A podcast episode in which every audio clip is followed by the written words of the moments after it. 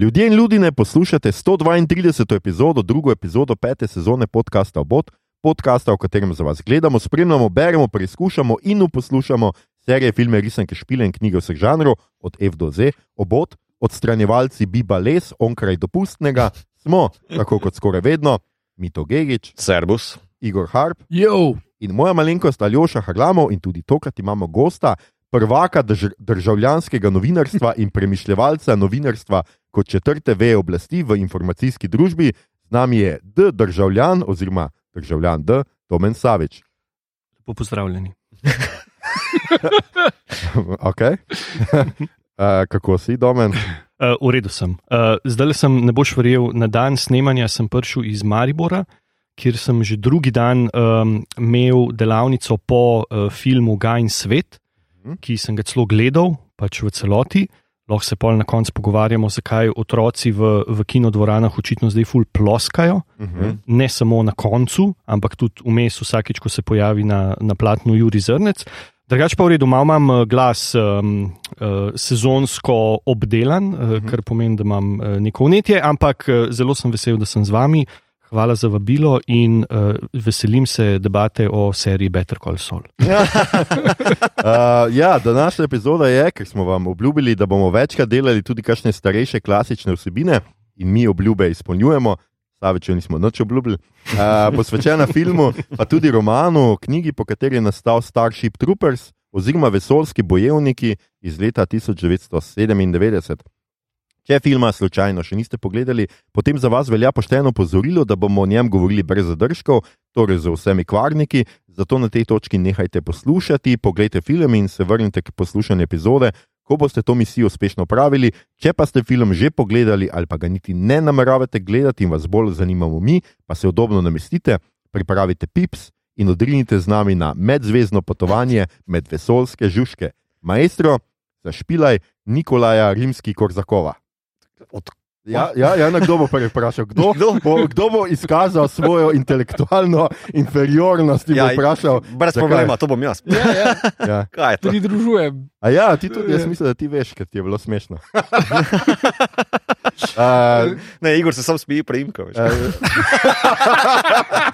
ja, te, harp se pa res lahko. Ja. Uh, ne, nič, tako pač žužki so, ne? Aha. In on, njeg, en komat je njegov, en najbolj znani komadov je The Flight of Smrtljev the. Bumblebee. Tako je. Ah. Smrtljev let. Ah. Ja, ja. Clever Nisem našel nobene ohroščih, se upravičujem. Pa potem jaz so to, vse so ohrošči. Okay, Ja, poslušaj. so. Pa kaj od. Beatlesov? Ja, ja, recimo. fuck. no, evo. Tisoč. še enkrat, še enkrat, da imamo pustiti. Ah.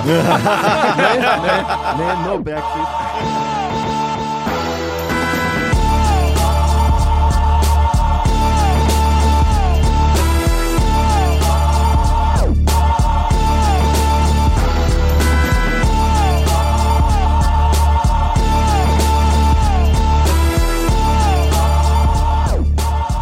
Skratka, danes delamo Starship Troopers, uh, pešake medzvezdnih ladij, um, Niso pešaki marinci, so ne? A Marinci sem Ja. rekel, ja, zdaj pa še to. Jaz se oddam. Zdaj upam, da bom kaj v nadaljevanju prav povedal. Skratka, leto je 97, to sem dvakrat preveril. tako da- Ja. In pa film je trenutno na Disney, plus, uh, dosegljiv, skratka, legalno tudi pri nas. Mi smo Jaz si, mislim, tam. da je kar Disneyov, tako da bo vedno tam. Je, tudi Disneyov film. Ja, ja, ja. Ali pa Foxov, kakorkoli. Pač, Mm. ja. Tam bo. Pač to je v bistvu prequel tega Bugs Life, pol, ne? v bistvu. Ojoj. brez, brez uh, Woody Allena. Ne, Woody Allen pa je v NZ. A ni v Ne, Bugs Life? Kdo pa je v. Bugs Life, pol? ne vem točno. A ni, Ni ok, on, dobro. uh, Ampak Ray tiste je skoraj hkrati ven prišlo. Ja. Možno je. Okay. Okay. Zašli smo. Um, Would you like to know more? Uh, žanr je znanstveno-fantastičen film, oziroma vesoljska opera, um, tudi vojaški znanstveno-fantastični film. In če citiram iz našega pojmovnika žanra, kar uh, radi počnemo, čeprav zelo redko. Vesoljska opera je znanstveno-fantastični film oziroma serija z zgodbo o potovanju po vesolju. S Tehnično naprednimi vesoljskimi ladjami ni sicer nujno, da gre za prihodnost ali da potujejo zemljani, lahko se dogaja tudi kakšni galaksiji daleč, daleč stran, pogosto v znanstveno in tehnično naprednejši družbi od naše. je eden najbolj priljubljenih podžanrov znanstvene fantastike.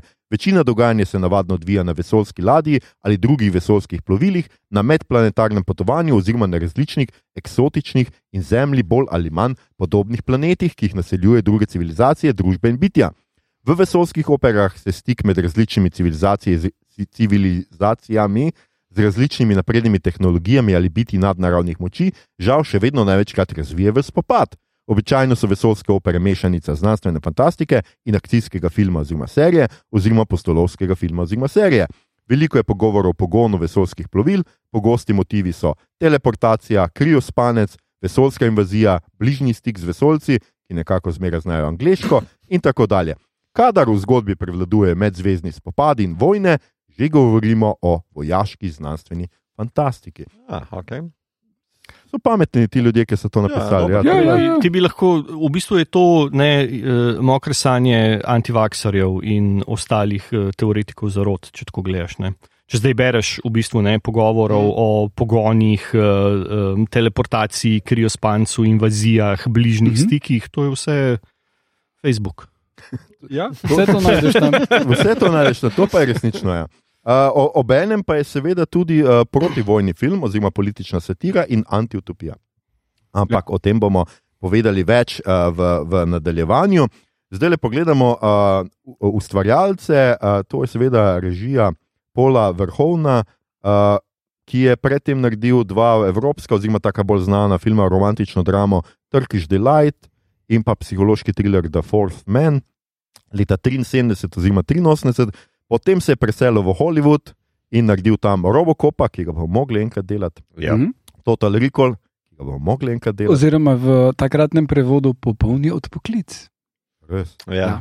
Čudovit o prevod. moj bog, popolni odpoklic. ampak- Ja. Ja, ja, odpoklicali so ga nazaj zaradi Ja, tako. tehnične napake. Zdravo, jaz imam reklamacijo. Ja. Uh, naredil je tudi Hollow Man, Jej. Basic Instinct iz 92 in Showgirls iz 95. Na zadnje pa smo ga gledali, mislim, da dve leti nazaj, uh Mhm. -huh. ne na Lifu, uh, njegovo Benedetto, tudi še Igor je moram. govoril, uh, mislim, da takrat si ti, uh Mhm. -huh. Igor, Ja, ja. predstavil. Poglejte, skratka, to epizodo. Scenarij je delal Ed Neumayer, uh, ki je delal z vrhovnom tudi na Robocopu, pa uh, naredil je nadaljevanja Starship Troopers 2, 3 uh, in 4, tretjega je tudi sam režiral, bog mu pomagaj. Uh, predloga je po knjigi Roberta A. A. Heinleina, uh, ki je išla najprej revijalno, kot knjiga pa decembra 1959, za njo je naslednje leto prejel nagrado Hugo za najboljši roman. Hugeja je dobo. Ja. Sem mislil, da je še v Hugeca. Ne, ne, mi, Ne, mi ne, smo mi Huge. štajerci. Ja. Ja. Ja. Mi smo rekli Hugeja na štajerskem. Tatari, tatara, tataru, igra je šla po zlu. Aha. Pa začni. Ja. To pa naši milenijski Ne.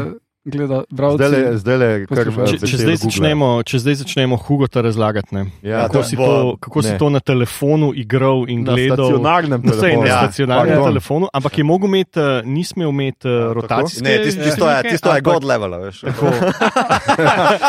Ampak, uh, ja, no, če to začnemo razlagati, ja, to je pa Ja. še ena epizoda. Tako Na, je, na ja, televiziji so bile včasih računalniške igre, Ja. na vse. Ja, ja.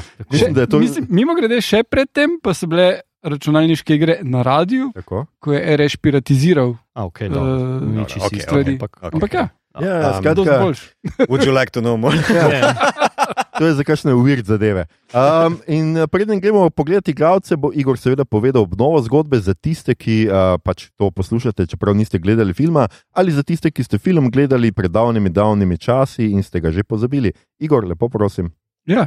Uh, dogajanje je postavljeno v 23. stoletje, na začetku se odvija v Buenos Airesu, potem pa se preseli v vesolje. Glavni junak je Johnny Rico, uh, ki ga igra uh, plavalasi Casper Van Dien. Uh, in uh, je to sam sebi razložil, kot da so potomci uh, pobeglih nacistov. Tako da super backstory si je zmislil. Okay. Mm. Um, in ga spoznamo kot srednje šolce, potem pa se pridruži vesoljski mornarici kot uh, pešak. Uh, film, tako kot knjižna predloga, spremlja Johnnyja in njegove prijatelje skozi vojaško kariero, skozi bitke in nova spoznanja glede narave življenja in družbene ureditve. Knjiga je zaslovela predvsem zaradi natančnih in prepričljivih, res full cool opisov delovanja bojne opreme vesoljskih marincev. In iz tega je potem črpalo cel kup drugih avtorjev, najuspešnejši med njimi pa je bil seveda Mitotov najljubši režiser James Cameron uh, v Aliens. Dva, Mhm. mislim, v Aliens. Uh, knjiga je polemična, ker je na vides politična, milit, militaristična propaganda, ampak mogoče je satira, medtem ko je film kar direkt satiričen. V knjigi Johnny veliko razmišlja o družbeni ureditvi, pa politiki, v filmu pa predvsem o ženskah. Normalno. To, to, je ta, to je ta lost in translation. Ne? Človek začne politiko in to prevede v ženske. Uno. Well done. As, well one, done. as one does. Well Ja, Ja. Vedno se vsa politika začne in konča na telesih žensk, tudi to vemo. tako da. Uh, Um, igrajo, skratka, uh, Igor je že omenil Kasperja Vandina. Uh, Dean. jaz to preberem Din, ne vem Dean? zakaj. Diana. Dijen je. Ja. Okay. Uh, ki igra uh, lika z najboljšim imenom, Ever, Johnny Rico. Čeprav v knjigi je pa Juan. Ja. Veliko. Ja. Ja, Ja. Okay. Ja. To je vse, kar vemo. Uh, meni se je zdelo vedno tako, uh, dost basic od njega, ne, da pač uh, uh, Johnny oziroma Juan je uh, iz bogate družine in posledično mu je ime Riko, kar dobesedno pomeni bogat. Mhm. Tako da je Heinlein. Glej, človek je pač dost pustil pravčevi domišljiji. Uh, posnel je drugače Tarzana and the Lost City, Tarzan and the Lost City leta 98, se pravi leto pozneje, zatem Sleepy Hollow je igral, uh, 99 to omenjamo tudi Točno. zato, ker imate v 20 epizodi, 20 našo epizodo posvečeno temu filmu. V Drakuli 3000, to omenjamo, se veste zakaj. In pa Mislim- na zadnje, Jaz sem gledal Drakulo 2000, ki je bil zelo slab in kjer Drakulo igra Gerard Butler z dolgimi kodrastimi lesmi. In potem je Drakula 3000, kjer sem začel začetek gledati, kjer uh, v bistvu pokaže, da je on se vrgel skozi okno, ga je sonce skurilo in zdaj je en drug igralec. Ah. je kar briljanten prehod, moram priznati. Uh, na zadnje, pa tako, no, na zadnje, ampak zanimivo se mi zdelo tole najdete na YouTubu. Batman Dying is Easy je igral v nekem fanovskem uh, filmu uh, o, o Batmanu. Cool. Tako imamo radi. Tako imamo radi. Ja. Mhm. Uh, potem je Dina Majer. Uh, je, Dajna. Kaj? Dajna. Dajna je, ok. Dajna, ja, ne. Dina. ste mu popravljali, ful. Ja, ne vem, kaj je. Se mogoče bo tretje ime prav prebral. Ja. Upajmo. Dizzy Flores uh, je uh, uh, igrala v Beverly Hills, uh, uh, tistih uh, pravih Beverly Hills, skratka v izvirnih Beverly Hills. Potem v Johnnyju Mnemoniku iz leta 95, spet pogledajte 76. epizodo, ker smo govorili tudi o Johnnyju Mnemoniku. V Star Trek Nemesis uh, leta 2002 in pa je detektivka Alison Carey v franšizi So, se pravi Žaga. Za te Mhm. tiste, ki, ki vas zanimajo, če Čakaj, take stvari. Kaj je bila ona Star Trek Nemesis? Za moj mind blowing. Um, ni ona, če kaj, ker je že Star Trek Nemesis. Je on ta že- z uh, Tom Hardyjem. To imam hardim, ja. Ta zadnji. Ja. Ja, A ni ona ena od Borg, Borg tam ni Borgu. Ni Borgov noter v polje, pa Ok, dobro. Up. Okay, lej, dobro, dobro, neko dobro. vlogo ima tam, no. kaj je zdaj najjasnejše. Dobro, da smo imeli te zapiske tako že več dni na, na nekem Google Driveu in da zdaj to tle neki razčišujemo. V nisi nič akcije, naslednja. Ja, bravo, bravo, bravo. bravo. Tretje Good, gre good rado. segue. Uh, Carmen Ibanez, I guess. Uh, igala je Wild Things, zelo znano. Ibanez. Jo, kako? Ibanez. Daj, daj. Ibanez. Ibanez. Kako ti Onega- rečeš, kopa, kako ti rečeš kopalni kadi, drugače lepo? A je bajna, a je da banja, Vidiš, da imamo valček, gor, glej. ja, nič nima Ja. valčka. Kako se reče kitara? Bondovo dekle v uh, Christmas Jones v The World is Not Enough, svet ni dovolj, leta 99, potem pa je igrala še v ene par filmih, Scary Movie 3, recimo se mi je zdelo vredno zapisati, in pa Love Actually. Uh, in gremo naprej, uh, Jake Bu- Busey, a sem to zdaj prepovedal? Ja, ja, ja, sin bravo, bravo. bolj znanega, uh, kakorkoli Gerija. ime. Gerija, ja. Od ta starega bil si, ja, tam malo. Ja. Uh, je um, znan kot Johnny Bartlett v The Frighteners iz 96, potem recimo serija From Dusk Till Dawn, pa uh, franšiza Predator.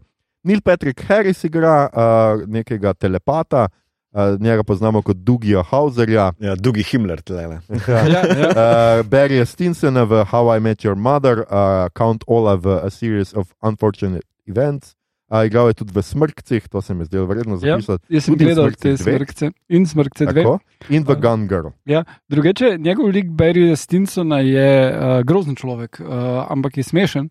Ampak je res ono ženskar, uh, ki res grozen človek. Ampak potem ne, se je avtorjem serije zdela ful dobra ideja, da so izdali knjigo z uh, dating tips uh, tega ženskarja. Tega groznega človeka. Ja, ja. No. Ki jo lahko kupite na Amazonu. Ja, le. vse za zaslužek. Uh, potem imamo se, uh, Sergeant Zima, ki ga je, igra Clancy Brown. Um, Clancyja Browna boste gotovo prepoznali takoj, ko ga boste videli, uh, igra v Bad Boysih in, in, na, in potem je naštepal še kar ogromno teh uh, uh, zlobnežev, da Kurgan je v, iz Highlanderja, pa v Shawshank Redemption igra, v Promising Young Woman je, uh, tole potem smo delali 115. epizodo. Brother Justin Crow je v Karnivaleju, uh, Kurt Caldwell v Dexterju New Blood, to jaz ne gledam, drugače pa gle, glas Savage, Savage Opresa v Star Warsu, uh, Clone Wars.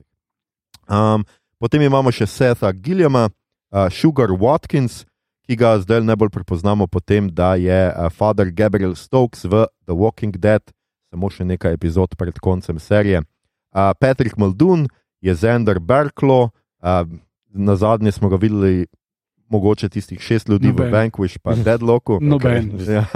In uh, na Nismo koncu bi videli. Kako da ne, kdo pa zikr gleda. Uh, na, na koncu pa je absolutno treba omeniti Michaela Ironsida mm. Kot uh, žona Racaka, bi jaz to kaj, kaj? po moje. Raščak. Kakšne- Rašček. Ja, po moje je to mišljeno, kakšen polski prijem, Ja. ja. mislim, je tako. Ne? se za, zaderejo, noter rošček. Ja, ja, ja, nekaj, ampak lahko bi bil Raček. Ja. Ja. Lahko je Okej. slovenski, je pač mogo Ja. spremeniti pri, primek v tem čudnem. Ja, Žan Raček. Evo, Žan Jaka Raček. Racman. pa res je. Dobesedno. Ja. Škoda. wow, okay. Okay, okay. Uh, ki je Daryl Rivok v Scannersih, pa mm -hmm. v Top Gunu je igral tudi tam nekega generala, uh, v Total Recallu je igral, ker smo ga že omenili danes, zato danes, če vam boste jutri začeli to gledati, ne nas obtoževati. In pa v Highlanderju, ki ga tudi zdaj že spet omenjamo, ampak on v dvojki. Uh, in v tretji sezoni je zamenjal um, kapitana v, uh, kot, ja. Ja. v Sequence DCV, ki so jo Točno, potem serijo skenslali po 13 delih ali Ja. ja. nekaj takega. Thanks, Michael. In pa Terminator Salvation je igral, drugače pa on posoja glas Dark Seedu v DC Animated Universe. Dark side. Side, dark side. Izgovori se dark side. Dark jaz to tako. Ne vem, kaj govorim. Dark pa hrvaška Something, različica tega dark side. Aica, Sida, veš kaj. Ja. O moj bog. Ja, te sorry, to sem najprej slišal. Lahko bi na hitro prebral, rekel Dark Sida. Ja. Dark Sida. Ja. Ja, Emo uh, black metal band. uh, še kar uh, zanimiv cast in uh, to uh, so bolj ali manj vsi, ki so pomembni v tem filmu. Poleg Žuškov. Poleg Ja. Ki pa Žužk- nimajo Kdo je imen. Žužka igral? Žužke nisi nič predstavil, ne? Ne. Pa ful jih je, ful se trudijo. Ja. Brain bug. Ja, Warrior, tako, evo. tako. Ja. Tankbug, pa on bogi revež, ki je bil na mizi operiran oziroma Ja. ja. seciran. Tako. Ja. Tista scena, dajmo tu začeti.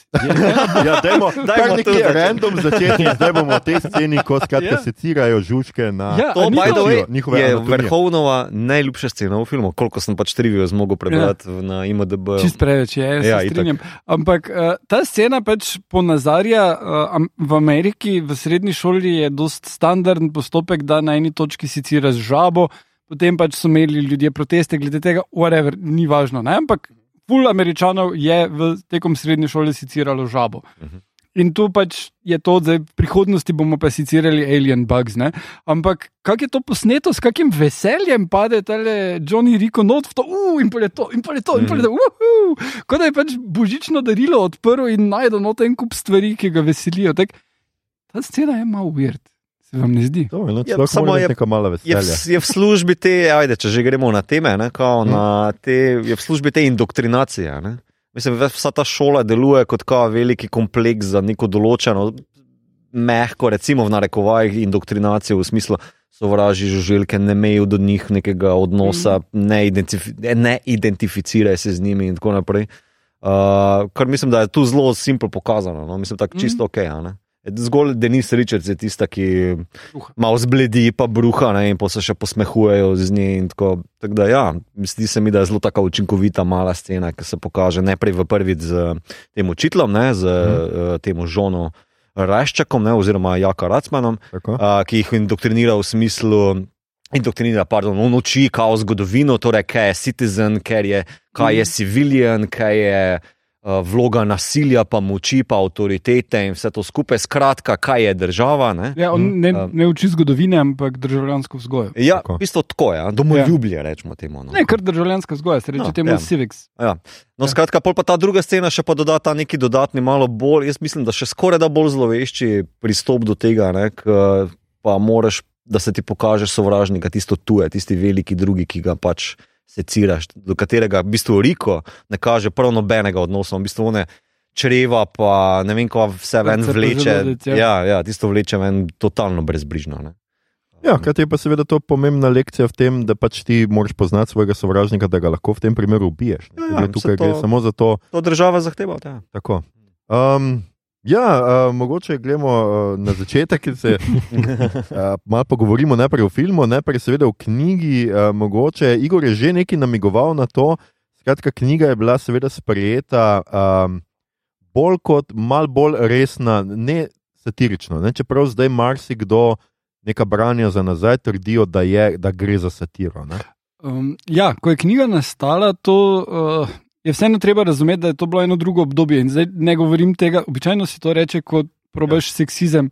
Uh, Upravičiti, ja. upravičiti, ampak Tako. tukaj se gre bolj za to, da uh, avtori takrat uh, v znanstveni fantastiki so bili kot študenti prvega in drugega letnika filozofije, ki odkrivajo nove stvari in bolj probavajo. In, in, O, kako si to lepo povedal. Ja. Uh, in Heinlein, pa tudi uh, potem Herbert, recimo, pa Asimov, pa Arthur C. Clarke, on še mogoče najmanj, so se ful ukvarjali z enimi temi osnovnimi vprašanji. Zato ker je tudi treba razumeti, da se je družba takrat spremenjala. Komunizem je bil na eni strani mogoče celo viable opcija in ZDA so probali narediti vse, da bi to ustavile. Uh, zdaj, če berete Čomskega ali kaj takega, pridete do tega, da so imeli zelo lep uh, sistem, kako so ga ustavili in to je tako, da so ustanovili suburbijo. In uh, uh, oni so v bistvu se, američani so se nekako uspeli upreti komunizmu na ta način, da so dali delavcem toliko denarja, da jih ni skrbelo za njihovo eksistenco in so jim organizirali življenje tako, da niso imeli časa se ukvarjati s tem, da bi pač zrušili državo. Uh, Medtem pač sci-fi je uh, se lovil v različnih um, idejah, uh, in uh, Heinlein je bil izrazito liber, libertis, libertaren. Libertaren, ja. libertaren. Uh, Menil je, da pač bi morala država imeti čim manjšo vlogo, ampak hkrati pa je bil tu zdaj na družbi en ta močen pečat vojske. Ne? In uh, vesoljski bojevniki, zdaj on se nikoli ni čist izjasnil, kaj je hotel, pa se je, pa se je različno izrazil, pa imel je različne teorije, ker se je razvijal kot človek. Uh, ampak v osnovi je tu bil neke vrste poskus, kako pa bi izgledala družba, če bi vojska bila glavna, ampak bi bila vojska nek odgovoren, relativno odgovoren akter, ki bi pustila ljudi, ki se nočejo vojskovati na miru. Ne? In je pač naredil ta neko družbo, kjer je državljan samo človek, ki je odslužil vojsko, kar, kot je v knjigi razloženo, najprej ne pomeni čist nič, dokler ne pride človeštvo v vojno z temi vesoljci. In v knjigi so različni vesoljci, ki niso povezani. Eno so bugs, eno so suhci, kot temu reče, ki Mhm. jih pač oni uh, ubijajo. In uh, človeštvo je pač ne v eni vojni, v mnogih vojnah. Ne? In, in potem pa začne biti problem, ko napadejo Buenos Aires, kar je tudi uh, v, v uh, filmu, ko pač začnejo te žužki metati uh, asteroide v Zemljo. ne. Mhm. Um, in potem pač družba postane še bolj militariz, militarizirana, in uh, ta propaganda še bolj prežame vse pore družbe. Hkrati pa ne moramo tega čisto točno vedeti, ker spremljamo zgolj iz perspektive Juana Rikota in njegovih prijateljev, ki so itak vojski, tako da so popolnoma izpostavljeni propagandi in ničemu drugemu. Ne. Ja, ja, ja to, tako sem tudi jaz, jaz bral o tem. Zdaj, jaz se dobro ne spomnim, zdaj priznam, da knjiga, ki sem jo bral takrat, ko je šla v slovenščini, se pravi, tega zdaj že kar nekaj časa. Ampak ja, spomnim se, da je pač v knjigi precej večja glorifikacija vojske kot recimo zdaj le v, v filmu, oziroma um, da je v filmu vendarle ta satirična ost dokaj jasno ali pa tudi ne prisotna. Ne. Tukaj je meni zelo zanimivo, ne, kako se interpretacije nekih umetniških del za, naz, za nazaj spremenjajo. ne. Skratka, danes bi radi marsikdo videl, da je že on opisal noter satiro, ne, da ni mislil vsega res, da je samo prikazal neke stvari.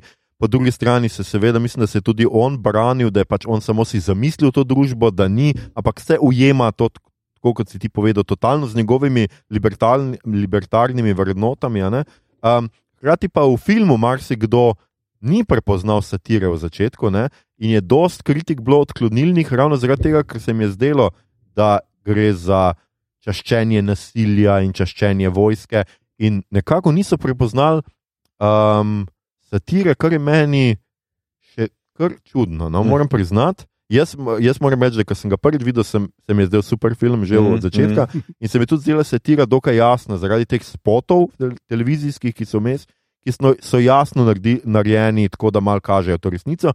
Je pa res, da tisto, kar jaz pri tem filmu najbolj občudujem in kar je meni najbolj všeč, je pa, da je ta satira ni nikoli dobesedno uh, prikazana v tem smislu, da je satirična ost vse čas prisotna, ampak vse čas je tudi ta. Um, Uh, mi spremljamo te junake skozi to propagando, in jih nikoli ta propaganda ne zgubi teh junakov. Skratka, mi nimamo lika, ki bi rekel: Ne, to je pa propaganda, jaz ne Mhm. verjamem v to. Nimamo upornika, ki se upre neki antiutopični družbi, ampak imamo ljudi, ki živijo v antiutopiji, mogoče, no, Mhm. da ni, re, re, ampak recimo, da je to neke vrste, v kakšni seriji bi to komod bila antiutopija, ampak se kot da ne zavedajo, da je antiutopija. Za njih je to pač ja. Normalna družba.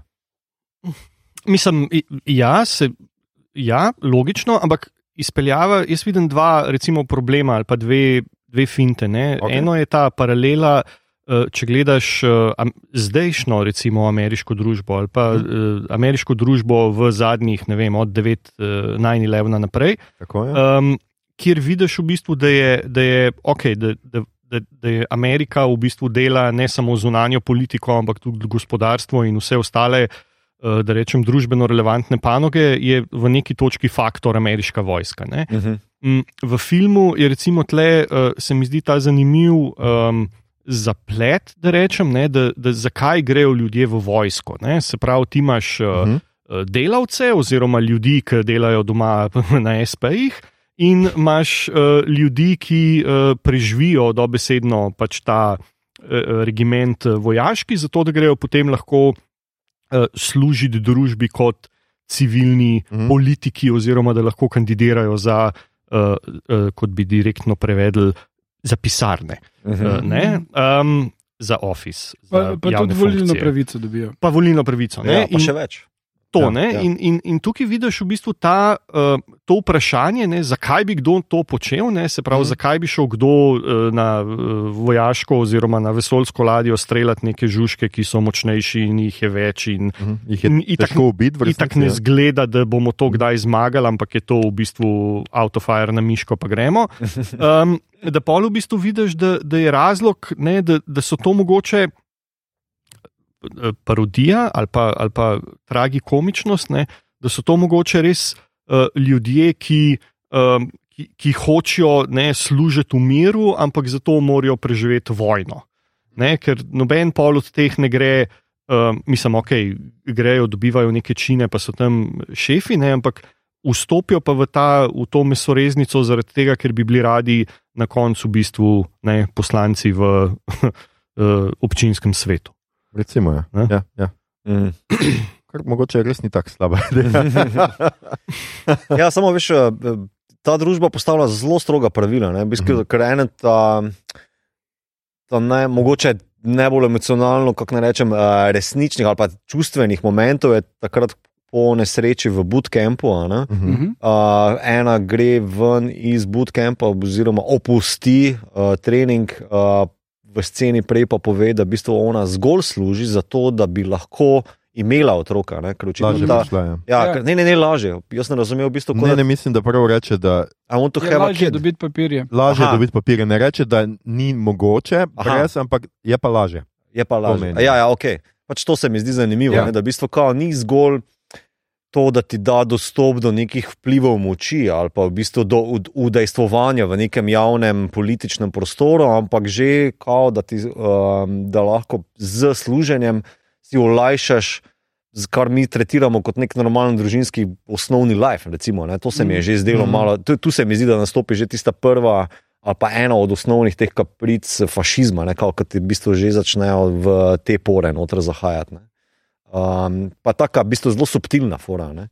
Ja, ja, ja. Um, Kati, uh, jaz mislim, da v filmu ni čisto najbolj stotstotno jasno, ne, uh, kakšna so razmerja, recimo hierarhična, ali pa kakšna je razredna, kako je razredno ta družba urejena. Ne? Ker vidimo mi v začetku Johnnyja Rika, ki je sin bogatih staršev. Skratka, Uh -huh. oni so imajo neko, pre... dobro, zdaj ne vem, mogoče imajo pa vsi take rajske bajte, ampak tako nekako je vrženo, eh, skratka, ko ga spoznamo, pa tudi ta scena ista, Uh -huh. ki jo ti zdaj omenjaš, kjer on potušem, njega je seveda sram priznati, zakaj je on vojski. Uh, jaz mislim, da deloma, seveda je ga sram zaradi tega, ker je njegov razlog najbolj banalen, Ja. ja. pač zaradi babe. Ne? Druga stvar, ki pa je, je pa njega je sram tudi zaradi tega, ker je on iz višjega sloja in je tukaj zdaj ni njegova življenjska, vsi imajo neko to, ja, rad bi bil civil servant, rad bi bil ne vem kaj, on ima pa sem to. Pač ženska, njemu ne bi bilo treba vojsko, je iz bogate družine, hotla sta ga starša poslati nekam potovati v neke ne vem kaj, Neke plaže ali kaj. neke plaže na nekem planetu. Ja. Ja, skratka, Viš, to In- pa, uh, Ja. I hear you, ne, ampak eh, jaz pa tega nisem začutil. Ne. A veš, ja, je zbogate, pokazano je tako, ampak niti ostali, kako se do njega tretirajo, ne, obnašajo, vsi njegovi prijatelji, pa potem vsi njegovi uh, sopajdaši iz pešadija marincev. Ne, v bistvu nikoli ne izpostavijo, da ti si bogat, ti si ne vem, on kit, na katerega se bomo spravljali ali kakorkoli. Zgolj ta tuš scena je v bistvu zelo pomembna, ravno zato, ker vsak nekako zacahna ali pa naznani svoj motiv. Ne. mm, Uh, in noben v bistvu kao ne izpostavi tega, da je ti pa bogat, zakaj pa veš to pa to. Veliko, veliko te je sram, zato ker je v bistvu najbolj banalen razlog ravno to, šel sem zaradi dekleta. Ne? Ampak eden, naprimer, tam je to čisto ameriški razlog, zato ker mi bo vojska plačala štipendijo za Harvard, ne? Ja. uh, pa take fore. Ampak, ja. ja, ampak recimo, on bi pa lahko gre na Harvard. Ne? ja, zato ker mu fotor lahko plača. ne. Ja, no. Ampak se pravi, ampak to vemo, vemo samo mi. Ne? Ja, ja, ja se vem, se nisem rekel, da oni vejo. Hočem samo povedati, da je nakazana. Mhm. Imáš pa prav, ni čist jasno, ne? ni čist jasna ta družbena Mhm, razlika, mhm. ker ni posem jasno, kako si lahko bogat, recimo, če nimaš Državljanstvo. državljanstva, Mhm. ne, če nimaš državljanskih pravic. Kaj točno je, kakšna je točna razlika? A tega, ampak jasno je, da je njegovima staršema, se pravi, fotor in mami, je to biti vojsko, pač seveda strah jo je za sina, ampak hkrati je tudi tako počastjo, jima Mhm. se mi zdi nesmiselno, zato ker ti greš zdaj na Harvard, ti boš ja Mm. uh, nekaj Ne, uspešnega v lifeu. Ne? Tukaj je, je malo problem uh, tega sveta ki, sveta, ki ga vzpostavlja. Uh, ful pomembno dejstvo, ki se ga je Heinlein zavedal, dan danes pa ni čist jasno. Ne? V Veliki Britaniji si ti imel že odnegdaj sloj premožnih ljudi, ki so bili bolano bogati. Mm. Uh, in uh, tem ljudem ni bil it se biznis ključen, ampak jim je bil it na Oxford ali Cambridge in potem delati v državni upravi. To je bilo častno. Mhm, mhm. S tem, da je tem istim ljudem bilo istočasno iti v vojsko, kjer potem so od zadaj sedeli, niso bili na fronti in so čist vsi vredno preživeli in prišli nazaj. In ugotovili, da ker so vložili v neke delnice, so vojni dobičkari in lahko so še naslednjih pet generacij uh, privoščili lisice loviti. Ampak, to zveni eh, zelo specifično, Igor. Ja, Ja. povedal. Uh, ampak, Lord Igor. Earl of Harvard. Uh, ampak uh, ja, prav, prav to je bilo še v 50-ih, da je družba v, uh, služba v državni upravi uh, častna in pomembnejša kot v biznisu, kaj šele v oglaševanju. Ja, bolj so pa posneli Bestarda, pa je bilo vse kot. Um, Uh, um, ja, I get it. Ja, ja. Um, je pa tudi ta fora, mislim, če smo že pri tem world buildingu. Ne, meni je zanimivo, uh, če za to eno vink naredim, ne, da, je zanimivo, da je to na nek način neka postfeministična družba. Mhm. Pa ne govorim samo zaradi tuš scene, ne, ker pač ja, so vsi nagi, pa uh, je pač to nekako. ja, dragi poslušalci, ki niste gledali filma, govorimo o resničnih tuših, ne o ja, trgovini tuš. ja. A, A, se pa, pa potem- priporočamo za sponzorstvo. Pa potem vidiš ne, na bistvu vseh teh vojaških uh, položaj, položajih, Uh, da v bistvu ni neke prepreke ali pa bremsa ali pa kakorkoli za kateri koli spol, da bi bil višji. Pa, Ja, bi... je pa manj žensk, no, to je na prvi pogled očitno. Ja, pa niti ne. V bistvu, kaj imaš, kapetanko, ki prevzame um, tutorstvo nad tem kopilotom, pa kopilotko, da nisi Richardson. ne v hierarhiji, nasploh v vojski. Ugotoviš, da jih je zelo malo. Je zdaj v pešadi. Manj kot tretjina. Ja, če natančno gledaš. A ja, misliš tu v filmu? Ja, ja nasploh v potušem, recimo, so samo tri ženske, vsi ostali so fanti, pa potem tudi, ko, ko vadijo, do tistega trenutka, ko pride ta uh, pač njegova zalezovalka od Mm, Johnnyja okej. okay. Rika, je mislim, da sta še dve ženski. Ja. Četi, ja. Dobro, štev nisem, ne, ampak veš, če gledam, v bistvu. ja, potem... definitivno se pa strinjam. No, zveni pa tako, kot da nimajo nekih. Uh, Ne, ne, sem zveni, mislim, da je tudi bilo prikaz, dobro, zdaj podtušam, nisem šel šteti Joškic, pa uh, ne vem kva. Ampak, um, um, uh, naprimer, ko je on admiral, ki po propadu invazije na Klentlahu, ali kaj je že, Ja, uh, potem odstopi, ja. ga prevzame v bistvu druga admiralka, temnopolta. No, ampak Um, to mislim, da je najboljši dokaz, da je vse skupaj satira. Ja. no, okay. Um, um, torej, beli tip sta ostareli, odstopi, ker se je izkazala vojaška strategija za neuspešno in reče kriv sem, in potem ga zamenja temnopolta ženska. ja, ja, ja. ja. To Realizem. hoče povedati, da v bistvu film se niti ne ukvarja s tem, ali pa no- nobene teme ne da na to, oziroma pozornost. In nekako kot t- taki film, imam, kot da je to mogoče malo bilo sposojeno pri Star Treku, vem, kako je v knjigah. Ker v bistvu ta tema je non-tema. Mm Mhm. -hmm. pač mi smo to rešili, veš, da, tako se obnašajo, kot mi smo to rešili, za nas je to non-topic in gremo dalje. Ne? Veš, takšen feeling sem dobil. No? Um, A v knjigi tudi ni to tema. Mhm. Pač so so, ljudje. Ja. Ja. Je pa, smo tudi že- ta srednja šola, futbol, naprimer, ne? ona je Mhm. bila ta Rikotova. No, karkoli je. Ja, Ja. pač. Akrobatski, akrobatski ameriški. Ja, neki, ja, veš, kao, tudi ona je bila kapetanka. Naprimer, Ja, ja, to je ja. še zdaj nezaslišano za bistvo ameriški high school kaj Mm. pač. Ja, um, pač ne ni. Ne. Ja, ja. pač to tak. Ja, ja, ja, ne, definitivno. Je pa pač, um, hotel sem pa reči, ker si prej omenil Star Trek, je kar nekaj teh uh, spornic, ne, imajo warp, te, warp tehnologijo, ne, to večkrat Mhm. omenijo, pa seveda ta zveza se imenuje Federacija. Ne, Ja. Mhm. Tako da je mogoče, jaz ne vem, zdaj. Uh, Hajnen je se, seveda pred Star Trekom, ne, Mhm, mhm. tako da A, ne, pač federacija tu bolj iz tega, da ZDA so federacija, tako da se mi je Ja, zdelo, da je federativna tudi ureditev je boljša najboljšega. kot ja. konfederativna. ker Tudi če bi rekli, da je konfederacija, s tem pol namiguješ, Ja. da Ja. ti Ja. simpatiziraš eh, z, z Ja, to- sužnje lastnike. tako da- Tudi ni najbolj jasno, nikoli ne, ne, ne ugotoviš neke geografije. A veš, da bi rekel, da je zdaj naddržavna uh, struktura, ta federacija. Ne? Nekako sem dobil feeling, ja, mogoče so pa ZDA enkrat si pokorile celotno uh, Ne, samo severno in imaš, južno da je Ameriko. V Ženevi ne. ne, sedeš. Ja. Ja, a ja, Sedeš v Ja. Ženevi, tako kot ja, imaš eh, prav. Ja, to. Ti, no, Ja, ti- torej, Združeni To je ta sentiment tega, da pol ne kompliciraš z uh, temi dolgočasnimi uh, zunaj, notraj političnimi mm -hmm, debatami med Rusi, Američani, Mm. Ja, to je Angleži ja. in ostali, in rečeš, zemlja je Mm. ZDA. mm, ZDA. ZDA, ja, res, res združene države. mm, in, in potem se v bistvu borijo proti, proti žužkom. Ampak meni je bil ta, to, kar ste na začetku rekli, koncept zanimiv.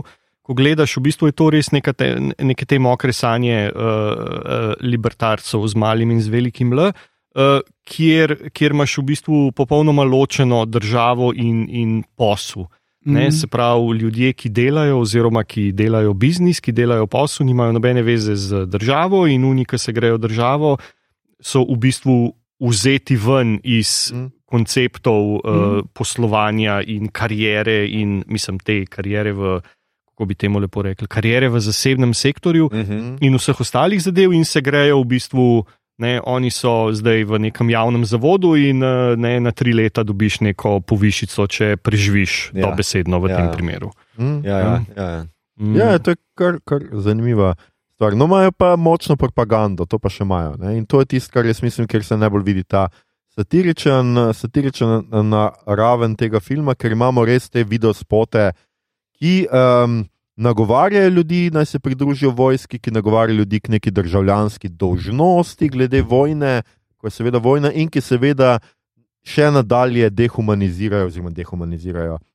Uh, še bolj potujujejo žužke. No, ne vem, Mhm. kako naj temu rečem. Skratka, res jih prikazujejo kot uh, brez glave, brez, uh, kot brez čustev, kot nekoga, ki je samo ubijalska mašina, brezčutno in ki pač uh, človeštvu neki s tem pre, uh, pač je neka ovira človeštva, ki se hočeš seliti na ta planet ali kaj že. Mm. In mečejo asteroide, tako kot v, v prostranstvu, ne, če smo Mhm. že tam, Ja? mečejo asteroide, čeprav jih tako. Um, ti žužki niso, um, niso neka. Tehnološka rasa, Ja, ampak ki hvala, Igor. pljuvajo. Ja, nekaj zelo je vse skupaj organsko. Ne? Ja, ja. Nič od tega ni, nimajo orožja, nimajo nič, ampak taki tako, biotek, jaz razumem. Ja, ja, ja. ja. bolj v tem smislu. No. Čeprav so nekatere stvari so zelo, zelo fajn. Jaz moram pohvaliti pač. Um, Torej, kostumografija je tako, tako malo so ti. Ja, malo Power Rangers. Ja, ja, ja, malo so te fašistične, na pol take prazne uniforme, so pa ti žužki, kadar so v tej neki kombinaciji pač uh, maske in tega so pa Mhm. zelo dobri. No? Mhm. Dobro, ko Mhm. so tam CGI, izgledajo grozno, ampak mislim, vseeno je to film iz, smo rekli, 97. 97. Ja. Ja, jaz mislim, da v bistvu efekti zelo dobro zdržijo, koliko, Mm. mm. pač, koliko jih pač je, tu pa tam sem videl kakšno napakico, ki, bi si, ki je malo kremša, ampak Ja. um, bolj ali manj služi vse temu, rečem, satiričnemu pretiravanju, ker naprimer, Mm. ko en tam šica enega žužka v glavo, da mu šprica v Ja. ja. zelo taki ilustrirani Nickelodeon uh, Ja, ja, ja. maniri, tista kri ali sluza ali karkoli Ja, pač neko, zelo tako bučasto je, oranžno. Ja, neko je. taka um, sočna zadeva, no, nekaj. Um, Sočna um, zadeva, ja. uh, ja, v bistvu film. s- Jaz, čudi me, da je v bistvu film bil tako um, napačno razumljen z določenih strani, strani določenih To kritikov. pa, to pa Um, mene ne, ne, ker to, da ok. ni satira, uh, me vedno najbolj preseneti, da This is Spinal Tap od Roba Reinerja ni bil prepoznan kot satira. Da so ljudje Reinerju rekli, je super, doku, samo kaj če najdeš kak boljš bend, ja. ki, katerega sem že prej čutil. Uh, to je bilo tako full standardno, ljudje niso vedeli, da je to satira. Tako da dejansko tukaj me ne čudi, da niso vedeli. To je meni res smešno. Meni No, to je tudi, tako, no. kot da bi rekel Monty Python, mej, zakaj obrajeno, zakaj pa niste onem Jezusu naredili, ki je tam Ja. omenjen. Kako si lahko BBC prvošči vse te pisarne, pa mize za John Cleeseom sred narave? No, a veš, mislim, to je noro. No, ampak je pa res, da, da je film zelo, mislim, ni resno posnet, no, ampak je posnet v bistvu na tak zelo uh, uh, črn, uh, mal twisted humor. Mhm. Ne, Mhm. oziroma, da, kot že rečeno, če gledaš to skozi oči eh, recimo, in uh, ameriške, in mogoče še kakšne druge družbe, ki je zelo napaljena na to, da poveličuje vojsko in da z- se niti ne smeš norca delati iz vojske, ne, Mhm.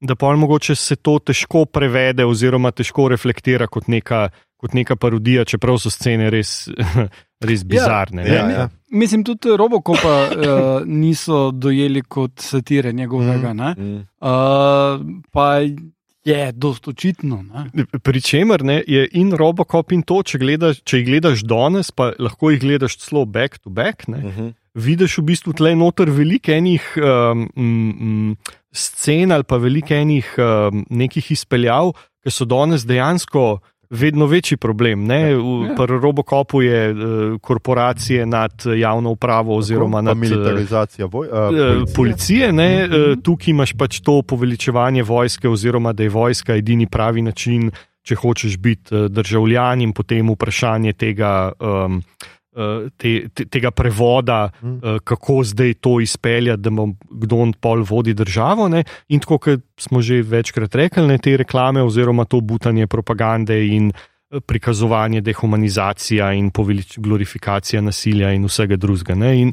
to, če danes gledaš, spet, kot že rečeno, ne, mogoče sploh ni satira, mogoče je dokumentarc. Ja. Ne, Ja. Oziroma bi, bi stavil, da če bi šel gledati zdaj paralelno kakšne uh, bootcamp uh, uh, video te voja, ameriške vojske za uh, upisovanje novih, uh, novih rekrutov. Bi mogoče videl, da so mogoče pa zdaj oni kaj skopirali iz, od pola iz 80-ih oziroma early 90s Ja. in, in potem v bistvu iz tega, iz tega naredili neko dejansko propagandistično uh, uh, um, narativo. Ja, ja ne, sej, mislim, tako, ne da bi pogledal na Wikipedijo, pa ne da se sam spomnim. Recimo, lahko zagotovo zatrdim, da če leta 97 skratka zamenja žužke za domnevam, da Iračane ali nekoga, da zelo hitro pač ugotoviš, zakaj je to težko prepoznati Američanom. Ne? Mhm. Ker domnevam, da so bili v eni od zalivskih vojn, zdaj bog si ga vedi, kateri, ampak Prvi. 97 je Bush, a ne ta prvi. Ne, Ni? 97 je Clinton. Je Takrat je že Clinton. A, ja. okay, no, skratka, ampak bili so gotovo povezani v kakšno od 26 von, vojn, ki so se tisti trenutek dogajale, in tako so še Ja. danes. In tako, kot Domen reče, ne, meni se to zdi, da je res američanom to kar malo težko prepoznati. Ne? Ker to zdaj, zadnja leta, šele prihaja k nam. Jaz to zadnja leta mm. iz Mhm. te neke neokonzervativne naracije slišim, kako je vojska naša, nek, vem, neka svetinja. Ne vem kaj. Jaz se tega iz neke mladosti ne spomnim. Jaz nisem, se ne spomnim, da bi kdorkoli meni kadarkoli sugeriral, da je vojska neka ne samo karijera, ampak pri nas, ampak da je to neka državljanska blazna dožnost. Jaz Sem, Uh, mi smo Ja, ja, zadnja generacija, pa- celo Ja, tisti, Ja, ki, so, ja, ki niso šli v vojsko. Tudi, tudi drop neka- na MLA, noter pa se, Ja, ja, veš. Dobro, JLA. Ti si premlad. to. Ne, Ja. ampak jaz nisem premlad. Ne, Igor, ti nisi, ne, ampak mi dva sva, tako da Ja. mi gre na živce. Ne, samo- to s tem nekim JLA. Ja, ne, jaz nisem bil JLA, jaz sem celo trajno nesposoben za vojsko. No. ne, Tako da ni tako, Tako da lepo ja, še zaštemplam, ampak Ja. Ne, pojent je potem, da v bistvu. Krajno nesposoben za podcast. Okay. JLA, JLA je imela to, to propagando, Ja. ja. ampak ni bila posebej učinkovita. Ja. Ja, no, ampak tam itak, dokler je bila vojska obvezna, ti je vseeno, imaš ti propagando. Ja, ne, samo imaš ono, Ne. neprijatelj vreba svih stran, razumeš, A. pa potem v bistvu veš ta. Vse veš, kaj ti mogoče malce starejši od nas nakladajo, kak je pa ja bilo zakon tistim de- 18 mesecev, Pa, butast ne, nekje ni, ni bilo 18 mesecev. Odvisno, 12 s kom se pogovarjaš. Uh, ja, morajo biti konkretno starejši, da je bilo Ja. 18 mesecev, ampak ne, gled, kar se je prej, kar je bila fora v jugi in, in to je ključno. Juga je imela eno genialno zadevo, ki je podobna temu, kar EU fura z Erasmusom. In to je, Zdaj smo izgubili tako ene Čist 86 veru. poslušalcev. Juga je imela eno genialno zadevo, je tako trigger. ki, ki je žal podobna da- EU. A, ne? podobna A, EU, a, Podobno je- Erasmusu je rekel. Erasmusu, Razi, ja. ja, Se pravi, A, in sicer to je bilo to, da ti Refleksija. vojske nisi šel služiti svoji državi oziroma republiki, ampak si šel v drugo republiko Tako. služiti. In hkrati ljudje, ki so imeli job v vojski, so ga imeli v drugi republiki. Kar je pomenilo, da velik odstotek ljudi je živel skupaj z, pač hodil v šolo z družinami, ki so bile iz vojske, iz drugih držav. Mm. To je pomenilo, da so se ljudje ful bolj mešali in da si spoznavali druge kulture.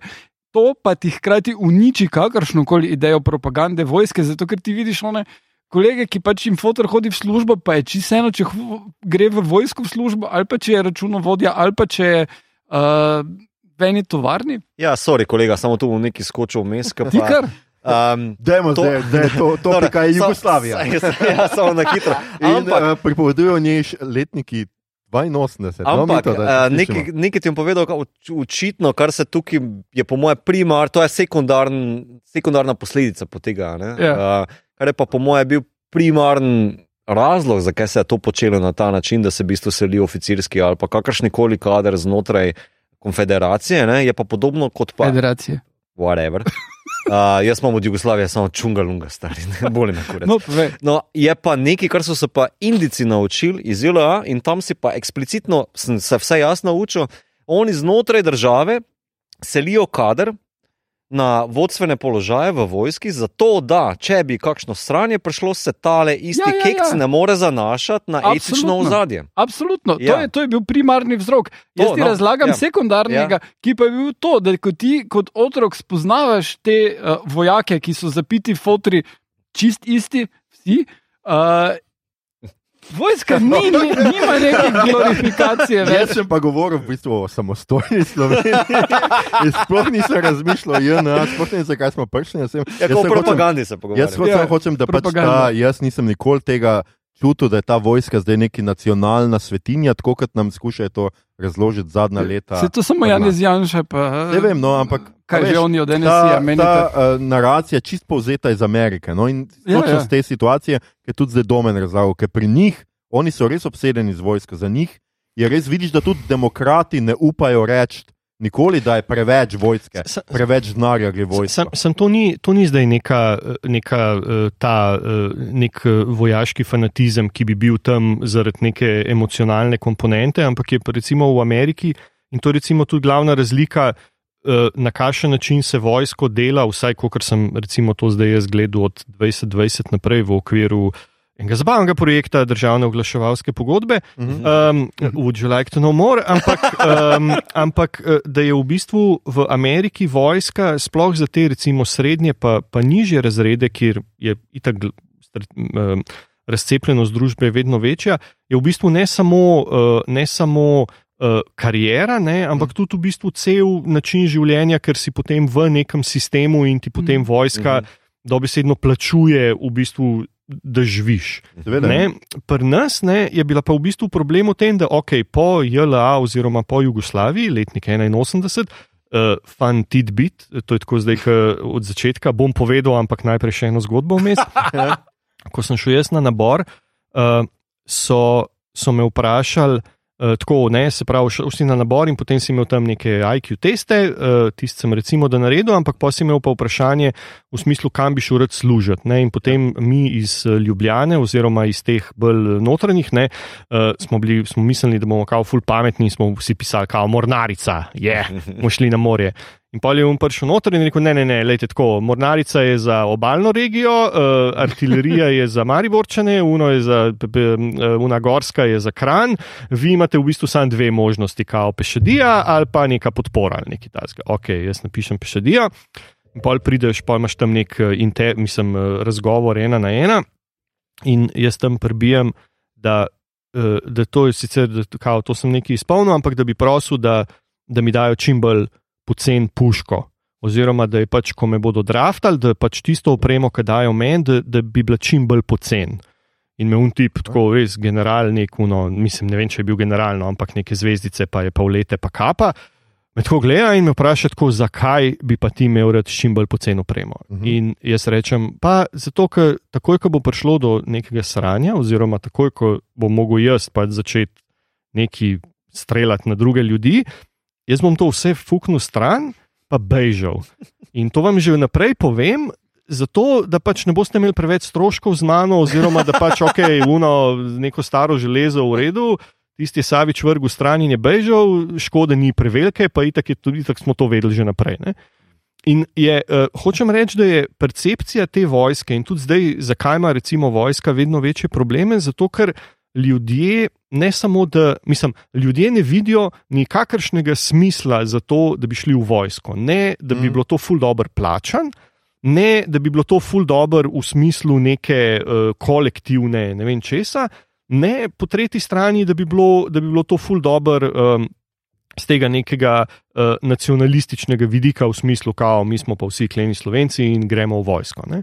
In, in je to v bistvu en zanimiv signal, da rečem, ali pa eno zanimivo vprašanje, ki bi se ga mogli v bistvu lotevati m, tudi na, na nivoju cele družbe, v smislu, kaj mi zdaj s to vojsko hočemo mm -hmm. sploh narediti, oziroma kaj sploh vojska je. Ne? Mm -hmm. Ker recimo vsakič, ko se pa o vojski pogovarjamo, je uno, ok, nekdo je kupil uh, neke tanke po 500 milijonov, nekdo bi jih rad unete druge po 400 milijonov. Noben se ne pogovarja o ljudeh, oziroma noben se ne pogovarja o, o ne, ljudeh, ki vozijo te tanke. Mm. In to v bistvu prihaja do vedno večjih problemov, do vedno večjih, eh, v bistvu nekega odpora, oziroma do, teh, eh, do ne, vedno večjega nekega negativnega sentimenta, ki na koncu pripelje ravno do tega, da uno, zakaj bi šel kdo v vojsko, oziroma kaj vojska mm. danes sploh je. Mm -hmm.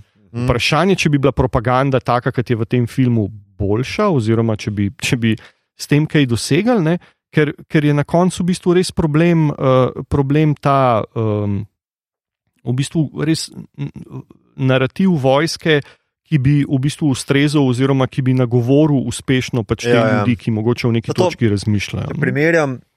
Meni na YouTubu, pa ne vem zakaj, ampak meče par teh uh, iz ha, slovenske vojske ja. v glasu, zdaj ne vem, če kdo tega deležen še. Um, Mimo govoriš. Ja, pardon. Uh, Ja, ne vem, če kdo še tega deležen, ampak tako je. Um, um, uh, vsi ti naši propagandni klipi so dost pusi, v smislu, kao, uh, zd, ne, ne, če primerjam s filmom, vse ja. primerjam s filmom. Ne? Uh, ker film, film je satiričen. Ja, se vem, ne, ne, ne. Pogovarjamo se o propagandi, pa o učinkovitosti propagande. Okay. Če se tukaj samo to uh, v tem kontekstu se pogovarjam. Ne? Ker v bistvu tam v teh uh, YouTube uh, klipih, ki jih dobim, oziroma reklamah, je tako: zdravo, jaz sem Mateja. Uh, bodi boljša od ne vem, whatever, kao solidarnost, pa skupaj vlečemo, pa kao, veš, nekaj tako naprej. Mm. Mhm. V bistvu vse tako, kot da bi poslušal neko levičarsko stranko, ne, uh, ki smo kao, ne vem, nekako držimo skupaj. Ja. Medtem ko kao v tem filmu imaš pa v bistvu hardcore, neke, kar se tiče teh vojaških vojnih mm, uh, klipov. Mhm. Ne, Uh, mislim, da prva scena, prvi klip je prav dobesedno četa, ki stoji, I'm doing my part, I'm doing Ja, my ja, part, ja. pol pa nek mulo ven pride in reče, Ja, I'm ja. doing my part, pa se mu vsi smejijo, ne, seveda, happy uh, Ja, ja. trooper. Ne. Pol pa še en klip je, ko v bistvu dva vojaka prideta, pa se v bistvu, uh, pa ta malim devata puše. a ne. Ja. Uh, pa potem vsi metke grabijo, tiste tako prav kripi scence. Um, v demokratični družbi se tega ne more šiti, po mojem, bi bil to popizditi ne v defaultu, ampak na nek način pa tudi nakazuje, v bistvu, kako se v takšni družbi, kot jo mi deloma živimo, ne moreš na ta način pogovarjati kot v tem filmu. Ne? Ker ta film je brezsramen, se ti ne pozna nijans. Mm. se v bistvu je tudi namenoma tako narejen, ne, da v bistvu imaš črno-belo sliko, črno-belo propagando, črno, na nek način te vodstvene like tudi črno-bele. In uh, ravno zaradi tega je to dosti bolj, ne bom rekel, ali pa ja, bom rekel, zaradi tega je tudi uh, satira toliko bolj učinkovita, ne, ker pač uh, Dugi Himmler ne, z vso to uniformo je pač ravno to očitna satira. Ne? In če Mm. zopet eno špuro nazaj potegnem, zakaj se mi zdi, da je v bistvu mi smešno, da ga niso leta 97 razumeli kot satiro, ne? ker pač kako ne, ne razumeš, da pač ja. Tako očitno postaviš nekoga v fucking SS ali pa gestapo. Mislim, ti zgleda kot herflik, brez, to. brez Ja, tega, ja. da šepa. No. Točno to. Točno Ja. to. Mislim, kako, mislim, alo, alo je že prej nastal. No, a veš, Ja, ampak je, Britancem se je je toliko bolj zadeva. Ja. Ja. Ja, ampak, ja, ampak Britancem se je toliko bolj smešno, še po mojem, zdelo, Ja, ja, ja, ja, ta ja. film gledal. Tako da res, mogoče imajo američani s tem probleme, ne? ampak je pa mogoče, ne vem. A se lahko potem tu pogovarjamo o neki evropski senzibiliteti, kako gledati na Ameriko, ker Paul Verhoeven je na nek način tale avtor, rečemo v narekovajih, ne, ki zna Ameriko pinpointati na njegovih najbolj ne vem, uh, neuralgičnih točkah, kapital, propaganda, nasilje Mm. in tako Mm. naprej. Ne, sej, mislim, nesposobnost američanov dojeti te stvari, mislim, ni nekaj presenetljivega. Uh, tudi uh, dokumentarec, da se vrnem k glasbenim dokumentarcem, uh, uh, Divided, States, uh, Divided States of America um, od uh, Olajbah, uh, je prav scena, not, kjer novinar sprašuje pevca od Lajbah, zakaj imajo nacistične uniforme, pa oni rečejo, mi imamo ameriške. Ampak prav si gre za to, ker oni na nemščini pojejo določene komade Mhm. in ker nastopajo tako, je assumed, da so naciji Mhm. in da propagirajo nacizem. Tak, ne, mi vam hočemo nekaj ful bolj resnega Mhm. povedati, you dumb motherfuckers. Ampak to ful bolj prijazno. Mogoče je pol vrhovn skriti član NSK. Ja. Ne, mislim, če, bi, če pol vrhoven ve, da NSK obstaja, je fan in član države. Res ziher. No, ampak pri teh vojaških parodijah, če gremo, oziroma filmih, ki mogoče malo bolj mm. uh, pikajo ameriško vojsko, imaš tudi recimo, ne vem, Jarheada ali Mhm. pa Mhm. ne vem, ok, še. Spet evropski avtor. Ja? No, ja. pač ravno to, ne, da, da obstaja cela vrsta filmov, ki se v bistvu na nek način mogoče niti ne norčujejo ali pa mogoče malo satirizirajo ameriško mm. vojsko, ne, ampak treba je vedeti, da po drugi strani, če gledaš recimo slovensko vojsko oziroma problem ali pa izziv slovenske vojske, ne, je pa tudi v tem, da pol to potem velikrat pride ob takih debatah, samo da so malo bolj resni gosti. pardon, pardon, v mizju. Pardon, v mizju, ampak eh, ne, da, da v bistvu vojska pa ni samo streljanje in tanki, ja. ne, ampak je tudi eh, reševanje poplave in Ja. ja. in tretje. Ne. In potem je zmeri ta m, dihotomija v bistvu te, te vojske um, oziroma te vloge vojske v družbi, sploh v Sloveniji, ne, kjer v bistvu potem res na koncu vidiš, da bi mogli to nekako spin-offati. Ne, uh, vojska bi mogla na nek način te reševalne, oziroma te mm. Mhm. mogoče celo niti ne sarkastično, humanitarne Ja, ja. vidike tega, ne, v bistvu spin-offati pod neko drugo blagovno znamko. Ne, ker to na drugi strani pa Ja. uno, uh, gremo v Irak, ne, oziroma Je- tam potem. Imam, imam eno vprašanje, zdaj se prekinjam, ampak zakaj bi spin-offali ta vidik. Zakaj ne bi mi kot neka mala država se osredotočili Ne, okay, ja, zgolj se na ta strinjam, ne, vidik? se strinjam, se strinjam. Mislim, se to je bila debata od, eh, od NATO naprej. a Veš, kaj bomo pa zdaj mi počeli, oziroma kaj bo pa zdaj vojska počela v, v tem času. Ne, ampak pro, problem ali pa poanta vojske je, kot že rečeno, malo večja, oziroma se, te, eh, se to potem navezuje na eni strani na industrijo, na drugi strani mm -hmm. na Mhm. razvoj pokrajin, na tretji strani na pač to neko. Hočeš nočeš eh, družbeno integracijo, oziroma ki ni tako velika kot v Ameriki, ampak vseeno je to, eh, vseeno to ni samo, ok, ti bi bil zdaj vojak, tle imaš puško, eh, tam je avion in Se ti jih obratno, ti bi bil vojak, tukaj se nauči plezati, ker smo gorska reševalna, ali pa Ja. se nauči potapljati, ker rešujemo po poplavah, Tako, ali pa se nauči ja. graditi mostove pontonske, ker to je naš osnovni fokus. In kjerkoli bi se mi pridružili NATO kot enote, mislim, da so te podporne enote dosti več vredne, kot če mi imamo. Pa par zastarelih in s korupcijo kupljenih uh, oklepnikov, ki jim bojo gume počle, tudi če so kovinske. To- je res. Eh, Zanimivo je bilo, recimo, eh, ko sem delal te oglaševalske pogodbe in potem mm. -hmm. na koncu hotel eh, v bistvu neke odgovore na temo, a to dejansko učinkuje, oziroma imamo zdaj kaj več vojakov, ko smo eno leto mm pa pol peglali pač te, Nacije. uh, te uh, Ko smo, hoteli pri, ko smo hoteli privabiti čim več nacistov. Ne, no. Okay, okay. Ne, to okay. smo, ko smo, ko Poanta. smo, pač, ko smo, ko, ko smo z delom, ko smo z delom budžeta za oglaševalsko kampanjo financirali eh, neonacistično propagando. To Aha, se tako okej. okay. reče lepo, Tako. več v zapiskih. Ampak ne, in v glavnem na koncu v bistvu so ugotovili, oziroma je, je bilo po, po številu novih prijav, oziroma po eh, podatkih, ki so jih imeli na ministrstvu. Da to ni bil neki jaki faktor. Ne? Se Mhm. pravi, da, da ljudje vejo, a, da imamo vojsko, ne? da ljudje vejo, b, da pač, če hočeš iti v vojsko, da znaš iti do vem, vojašnice oziroma napisati na maile, jaz bi šel pa v vojsko. Edini faktor, eh, ki je, ki je recimo v zadnjih. Pardon, v zadnjih parih letih, ajde, eh, ugibanje za ena, ena runda ugibanja za omizje. Okay. Ja. Kaj je bil faktor, ki je eh, v zadnjih letih recimo povzročil to, da se je določen del populacije začel bolj zanimati za vojsko? Lahko butaste odgovore, lahko pač dejanske odgovore. Plača? Tako, brez veze smo šli, zdaj je to full set. Ampak malo so dvignili plače, oziroma malo so dali več denarja v, v te neke ugodnosti, ki jih človek dobi, ko gre v vojsko, v smislu, da lahko, če greš vem, s 18 leti, lahko brezplačno narediš vozniško. eh, Da imaš, mislim, vozniški izpit, eh, da imaš pač malo več denarja, oziroma da dobivaš malo večjo, malo večjo plačo.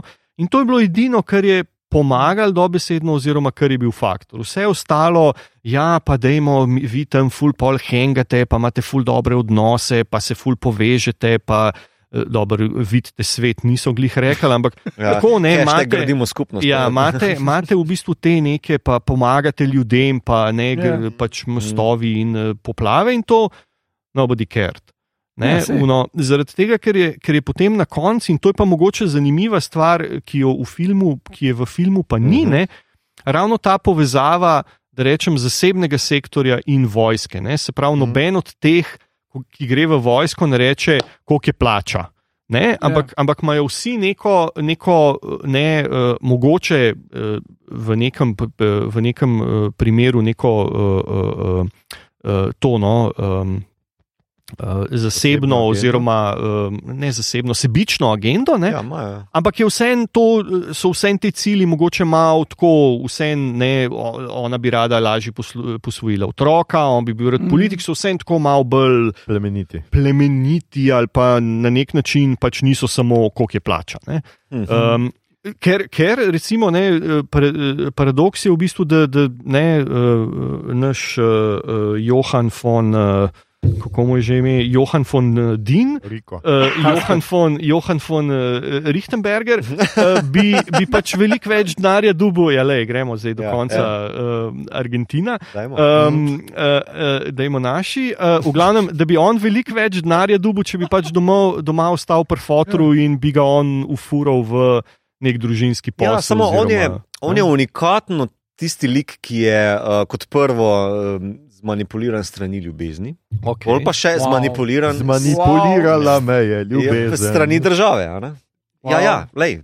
sorry, Riko je res najbolj naiven fucker v Ti tem si, filmu. ti si slovenski umetnik. Ja, sem, hvala, thanks, uh, Uh, hvala država za prispevke. Ja. Uh, Jaz mislim, da pa ni naivno. On mislim, da itak v začetku reče, da on ne verjame propagandi, pač temu učitlu, pač reče, da on ne čuti tega. ja, samo kako se on nauči, da v bistvu kaj to pomeni. ja biti, ve uh, na citizen. pamet, na piflanje, Ja, ampak pozna ne verjame pa floskule, to. To, je, to je razlika od knjige. Ne? V knjigi on dejansko ga Ja. učitelj prepriča in on verjame. Ne? Ja, meni se to zdi ultimativni ameriški zasuk na to zgodbo, če zdaj primerjam z, z tem, kar ste mi povedali v knjigi. ne. Ja. Um, Ti jo lahko posodim. Razloži nam Ja. jo zdaj. Ja, nek rok- povedal, On, če gledaš, je v bistvu taki res stereotipni butel ameriški, a ne? v smislu high school jog, uh, ki se zaljubi v dekle in potem gre zaradi nje. ne Vem, to, to, si, to je v ameriških filmih taki kliše, da te glava Ja, ja, peče. valjda. a ne. Ampak Zakaj on se potem preko tega nauči, v bistvu, kako služiti. Ne? Ja, On, ja, točno to, to breš. Ampak jaz ti hočem pa to reči, da meni je pa ravno zaradi tega lik všeč, ker je tako ta ja, žiškovski, to všeč. Ja. obrat, je točno ta. On gre z ironijo tja, Ja. na koncu je pa največji believer. Ja. Samo on, jaz pa mislim, da on ne gre z ironijo. ne. Jaz pa mislim, da on, on definitivno ne čuti tega, gre zaradi ženske. Ja. Njega ne zanima vojska, domovina, Ja, ja, baksi, strinjam. ne vem kaj, ampak ravno tu te dobijo. Mhm. Ravno ko ti misliš, da si z ironijo hipster, si največji hipster. Ne, jaz mislim, da ne. To si, zdaj, to si zdaj vsi na morsu tako besno zapisujejo. Naslednja strategija A veš, ravno, ravno to je recimo, hipsterje. Prav, no, hard that man. a veš, ravno tisto, kar jaz skušam včasih ljudem razložiti. ne. Ko- Kako biti hipster? Ne, ko ti nekdo reče, recimo, ne, jaz nimam nič proti cerkvi, grem v cerkev Ja. samo za božič, pa za uh, veliko noč. Ja. Rečem, ja, točno zaradi tega je cerkev tako močna še kot je, ker nas, nas zdržujejo rituali, ki jih mi vsi tako mal jemljemo z rezervo. se- Joj, joj, ok, gremo pač, moramo iti k maši, moramo postaviti jelko, joj, fotor, pa mati imate rada, da so spodaj jaslice. Okay, ampak to je, spet, naredili. to je spet tako. No. Cerkev je velikica, pa malica, pa Ja, ja, vse ja. ostalo. Pa šumečice. Pa. Ne, ampak imaš, mislim, tako kot, tako kot recimo se mi zdi, da mogoče tudi pri vojski je, je v določenih momentih zadeva lahko čist, da rečem, koristna ali pa uporabna, ali pa ni v bistvu tako osko usmerjena, tako kot je mogoče tudi v filmu prikazan, ne, kjer v bistvu vse, kar delajo, je streljajo pač te Ja. žužke Ja, ja, mislim, po drugih planetih. Film ima res črno-belo slika pač. tega. Ja. Ampak res je pa za vse te like, predvsem one v tuših, ne, pod tušem, Mhm. Uh, kot odskočna, odskočna deska do nečesa. Ne? Ja. Tudi za Riko, tako je pač mu odskočna deska zato, da bi nekoč prišel do njegovega sanskega dekleta. Ne? Uh, no, sej, kar se tiče propagande, pa tega, kar si zdaj omenil, odskočna deska. Jaz sem bil uh, 95. v ZDA in sem videl, so bile oglasi za vojsko, so full, pogosti, tako pri nas, ne vem, za zavarovalnice. In uh, oglasi za vojsko sem si jih prav zapomnil, ker so bili dobri. In uh, to je bil. Oglas je bil zastavljen tako, da je job intervju in ljudje pridejo in mutijo, da ja, sem self-thought in sem creative in pač bluzijo. Pol pa pride ena in reče, ok, jaz imam izkušnje iz vodenja ekipe TTT in telekomunikacij in našteje actual skills zato, ker je bila v vojski, ker se je naučila Mhm. mm. uporabne stvari, ki jih moraš znati, da pač lahko nekaj narediš v vojski. Ne? Ja, in tako lahko predavajo, potem kako uh, zal, založbe prodajajo več knjig. No, ampak ravno to je, ne, da, Ja. da vojska, vojska kot korporacija, Ja. ja. oziroma vojska Ja, ja, ja. ja. kot neko podjetje, kjer ti v bistvu ne pridobivaš neke relevantne izkušnje in, Ja. in v bistvu uh, uh, si na koncu v bistvu. Ja, kaj je to pol korporativni fašizem? pizdalko? Kako Kar temu rekli? ZDA? Ne, ZDA. Fil, gremo na film nazaj. Je, ne, film je kar uh, direktni fašizem, ja. Ja. ni nekaj korporativnega. Ja, ampak sem fašizem je v bistvu ko, torej, uh, državno reguliran, uh, torej, kaj je ta ena od 14. Sam, a veš, glih Ja. to, to smo že rekli, ne, ni čist, po, ni, Tega ni čist, noter, ja. ni čist razložena povezava med podjetji in, Ni. in. Ločeno državo. je. ne. Ja. Mislim, v Dosti bistvu je ločeno. tako. Ne? V bistvu je, če gledaš, kako pol uh, fotor od uh, Rikota dramatizira, da pač eh, sin ne bi šel v vojsko, ampak bi šel v biznis, so te zadeve res totalno Mislim, biznis, odvojene. Ne? Rekel mi je, kao, jaz bi te spravil na Harvard, ne, nikoli ni zarečeno, ti boš lawyer za Goldman Sachs. Naprimer, Okej. ne. Ja, ampak uh, bistvo je Um, tule pa Heinleinov uh, Ja. libertarni pogled. Vojska in država morata biti ločena od z, zasebnega Ja, sektorja. samo če se jaz ne motim, pa zopet nisem prebral knjige, ne, ampak ba, če zdaj film prav razumem, bi naj ta družba nastala tako, da veterani prevzamejo vlado in nastavijo oligarhijo. Če je, meni se zdi to v bistvu bolj ali manj fašizem, a ni.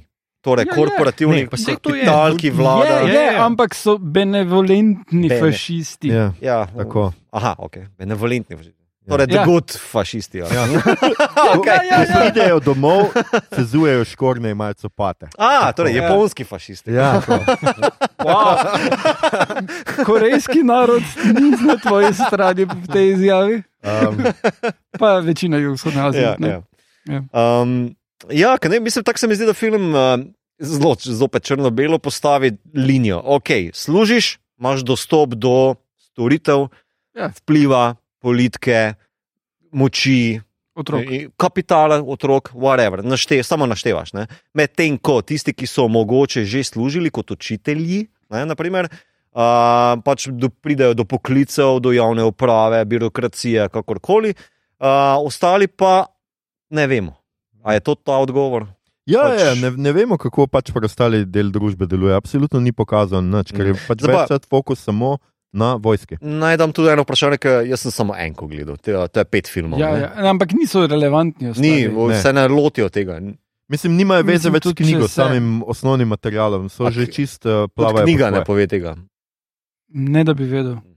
Mislim, so ti družbeni sistemi razloženi, ampak je v bistvu samo na tem, da vojska ti daje uh, pravico do državljanstva, pol pa je pač spet fokus na tem, kak puško imaš. Pa. Mhm. Kak tisti armor omogoči, da skočiš na planet iz orbite in pristaneš in streljaš žužke. Ja, veš, kaj, mi to včasih pisatelji ne domislijo vsega. a veš. O ne, Ne o ne. tega če- Najlažje se je tako, Spoilers! ja, najlažje se je tako do, pač narediti. Ja, ta družba funkcionira tako, ampak kako on drugi del? Ja, ne vem, to ni moj fokus, moj fokus je Ne, sorry, jaz živim v pa- 21. stoletju, kjer je internet, jaz hočem vse vedeti. Slikari, slikari pač drugače gledajo, tu je vse na tej je sliki, kaj še več hočeš. Ja, ja, ja, ja, točno tako nekako. No. Okay. Ampak skratka, ja, mogoče, in ker smo pri vizualijah, ravno, ne, seveda treba reči, da, eh, da tudi vrhoven je zelo meni, uh, zaradi česar je meni ta film zelo všeč in zaradi česar si ti rekel, da pač CGI še zdrži. Ne. Mhm. Jaz ne bi rekel, da zdrži, ampak je bolj poanta v tem,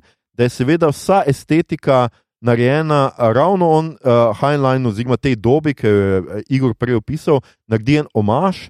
Da, skratka, to zgleda kot nek znanstveno fantastični film iz 50-ih na pol. ne. Mm. Imamo pa, pač neke te estetike, ki je zelo groba na nek način, Ja. ampak je tudi tako res premišljeno narejena. Meni je to tako lep, pa tako dobro narejen film, kjer uh, zdrži ravno zaradi tega, ker jaz mislim, da, je, uh, da so te bitke zelo premišljeno narejene, da je seveda tudi uh, tale maska zelo dobra, ko imaš te ta. Um, Mhm.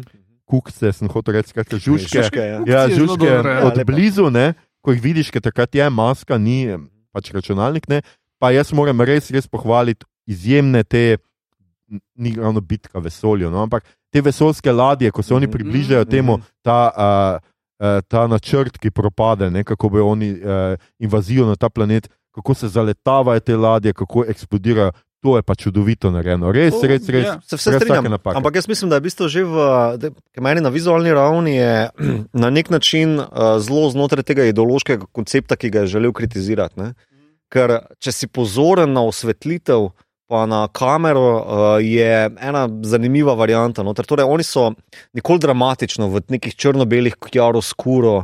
Uh, osvetlitvah postavljene, kjer bi bila ta drama ali pa uh, ločenost med slabim in dobrim. Kar- nikoli Ni tega Zack ni. Snyder tega režima. Ne, ne, ne, seveda, da ne.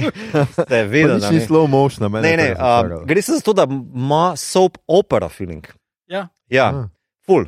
In v bistvu konvencionalna postavitev uh, kamere, nikoli nimaš nekih hudih, uh, veš, nekih, uh, Ja, ne vem, ja, ja. kako se reče, Dutch angle, nimaš tega. Vse je kot da bi gledal nekega Prince of Bel Air, naprimer. Ne? Ja. A veš, Mm. znotraj enega Ali ideološkega. pa Star Trek. Tudi. Čeprav, ah, ne bom zdaj, ampak Pusti to za ne bom ja, zdaj. daj dalje. Ja. Lej, Yesterday's Enterprise, ki je tvoja najljubša uh, Ja. iz TNG-ja, ne, v tistem preskoku iz Ja. uh, timelina v drugi timeline se svetloba spremeni in Isto. tam veš, zakaj se gre. Ja. Tu tega ni in tu manjka z razlogom, in to je moj point. da v bistvu se kao nekako skuša, po mojem vrhovno, no, si predstavljam, je skušal pokazati, da to je za nas normalizirano, to je za nas uh, soap opera, to je za nas tisti humorn, bla, bla. Ker tu, če gledaš potem te propagandne klipe, ne, kjer cenzurira klanje krave. Pa cenzurira uh, štihanje Braina ne, na koncu, medtem ko takoj naslednji kader je pokol mormonov na onem planetu, kjer je vse zelo in very detailed, gori detail uh, prikazano. Ja, ja. Um, se nekako to zelo dobro pogovarja skupaj. Ne. Kao, veš, ta vizualni aspekt je ful lepo vklopljen v to notrne. Mm. Um, kar se pa tiče CGI-ja, se pravi, videl sem tri napake, tam ena ladica gre, pa ni sence dol na oni drugi ladici, to je brez vize. Kao, ne. Ja, pač ok, ja. 90s. To z komod spustiš pa. Tisto CGI, kar je, so pač oni prci teh um, žužkov, ki letijo iz orbite proti ladicam, gor, Mm. ostalo pa pač te kleščasti ščurki, uh, ki so res totalno alien z namenom.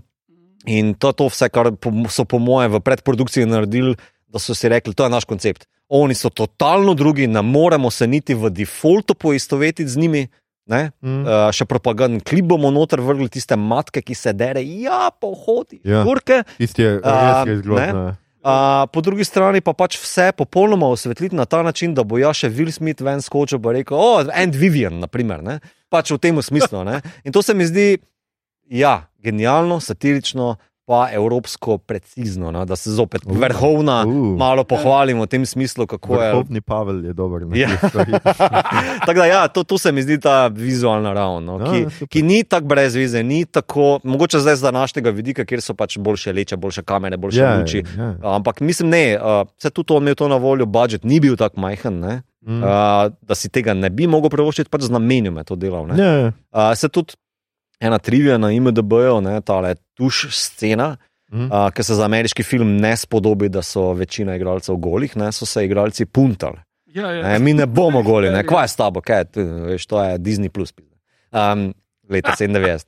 Um, na kar sta se potem vrhovni in, ka, rekel- in kamerman slikali. Vrhovni je rekel, bi vam bilo lažje, če se jaz slečem. Ja. Ja. In so rekli oni, aha, ja. In se je slekel, Ja. ja. in se je še kamerman slekel, ker kamerman pa kot pravi nizozemci odraščal v nudistični Ja, koloniji. FKK. Ja. In, uh, in pol sta ona dva že bila naga, in pol so bili vsi, what the fuck. Ja. Zakaj moramo pa dva mi čudimo, evropejci, ki imajo američani tako mnenje. o nas, tako. Le jih te pokvarjene Ja, ja. evropejce. Še, še Kako je prijajo se ne pod ja. pazduho, le. Če, če preden so mu odgovorili z ja, se je on še začel slačiti. A, a, bi, a, a, a bi vas motil, mislim, a se moram jaz leči? Ja. že bil na pol nak. Jaz sem sam vesel, da to ni bilo treba tle na podkastu narediti. To bom rekel. Pač, bi kao simulirali, Ja. ja. simulirali ta sentiment filma in bi bili tle vsi. Ne, ja. Da, skrbi. Tako da, ja, ne, kar se tega tiče, mi je, napram, če primerjam Robocopa, ne, tam je ta gori nasilje zelo Ja. drugače zastavljeno. Mm. Pa je ta isto nasilno kot to, ampak tak, vidiš razliko, če si pozoren na to, če imaš to recimo na pol vizualno pismenost, pa če poslušaš podcast o boti in če mene poslušaš. Uh, um, tako da, ja, no, to sem hotel da ja. reči. Okay. ja, um, pravzaprav nekako mislim, da smo prišli do konca. Jaz moram še enkrat pač naglasiti, da je to super film. Da, dajte to pogledati, če še iz nekega razloga niste.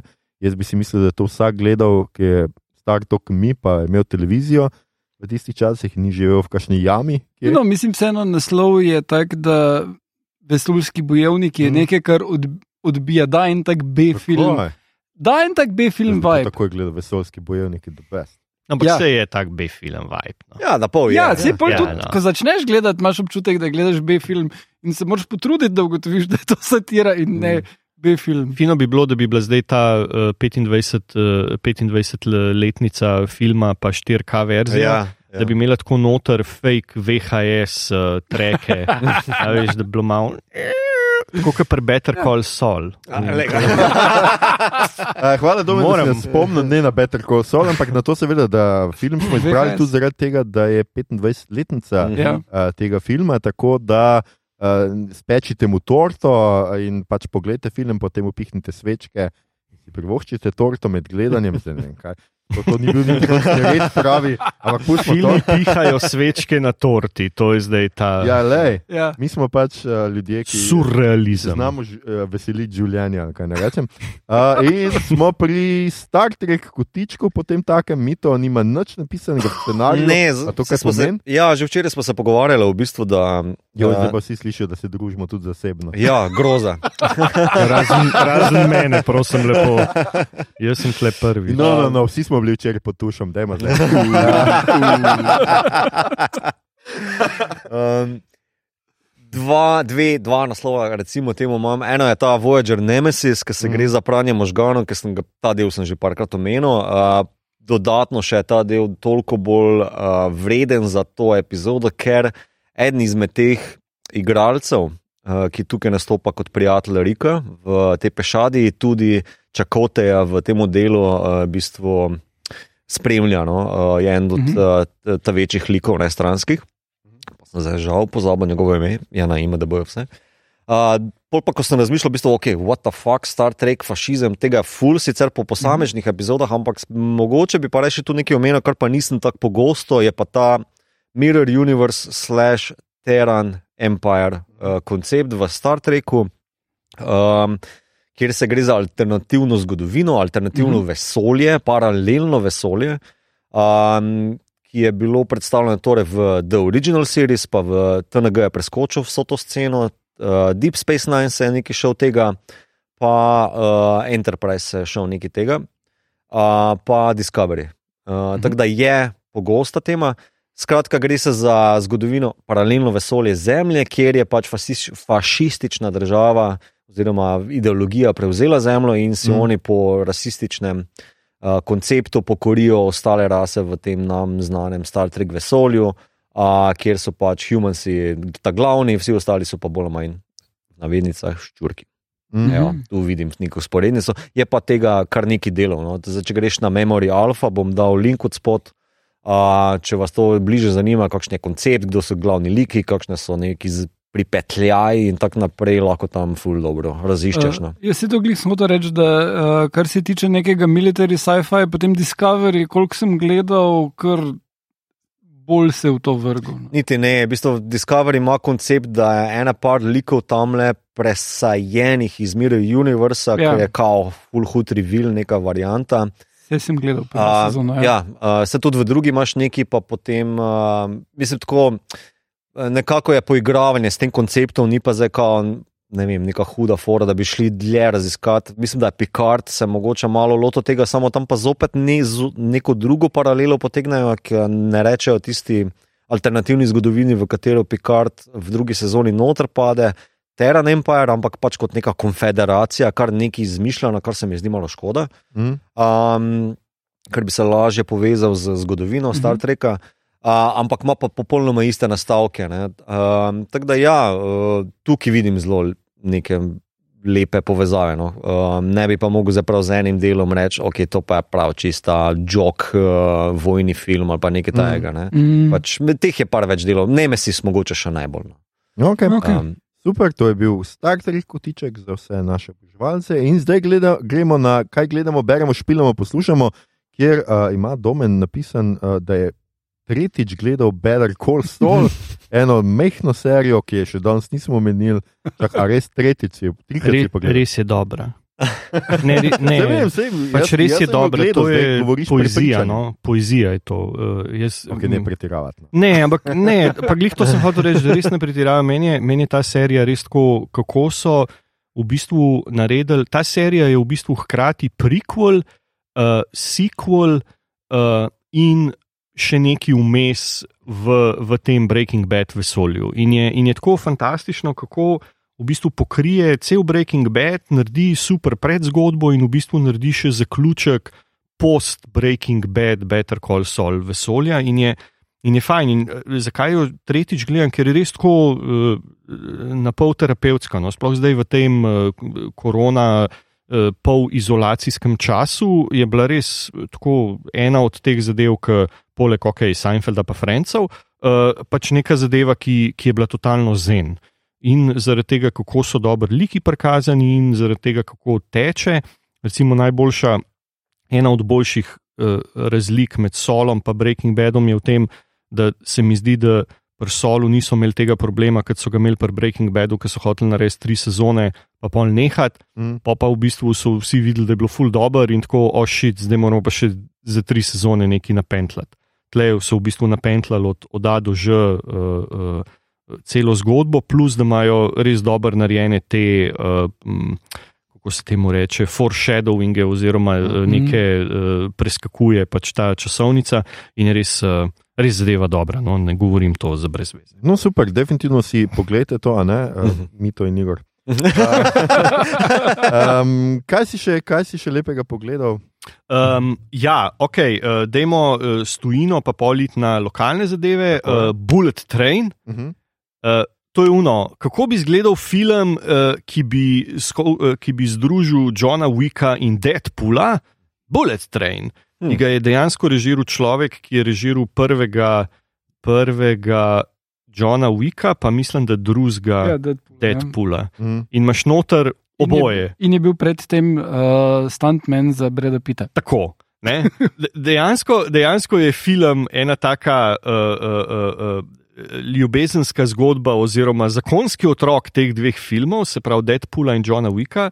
Uh, Brad Pitt, uh, fantastičen v, v glavni vlogi, ampak tudi vsi ostali uh, liki so v bistvu res tako uh, uh, Deadpoolovsko, John Wickovski, v smislu, v smislu tega in uh, sarkazma, in uh, pretiravanja, in v bistvu tega, da je, da je zgodba relativno ok, oziroma da ga gledaš do konca in da te do konca zanima, kaj se dogaja v filmu. Ker je pri teh akcijskih filmih tako malo ok, no in pa se zdaj le neki streljajo, in pa me zbudite čez 20 minut, ko bo spet malo dialogov.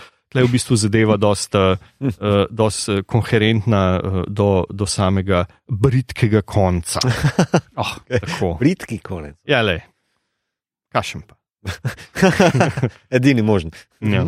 Ja. Po si gledal The Patient, to je tale serija. Ne? Tako, The Aha. Patient, eh, v kateri igra uh, Ciril Boškovič, šalim se, uh, v kateri igra uh, uh, Steve Carell.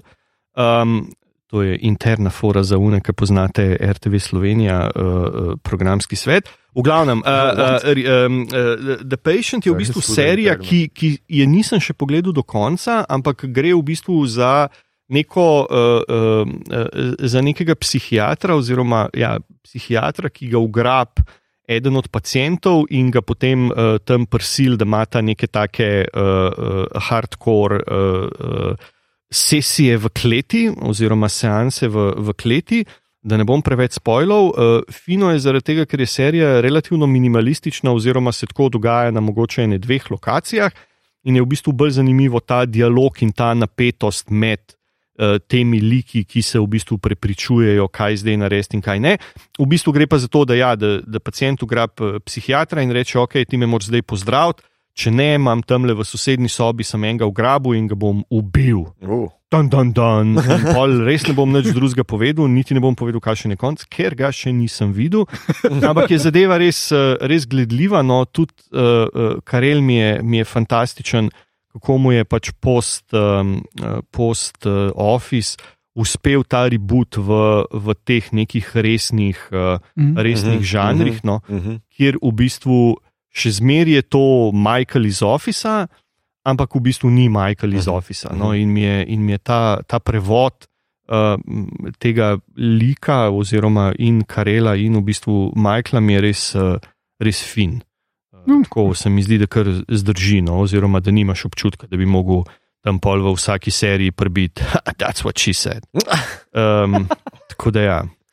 Okay, a gremo kar pol poseznamo Ja, naprej, ja, da ne boš ti zdaj za vsako stvar sufliral. Pol ja. sem rekel, okay, da ne bomo samo filme, pa da ne bomo samo serije, uh Mhm. -huh. da imamo še računalniške igre, tisto, kar reče igrice, Naj se gre solid. naj se gre solid.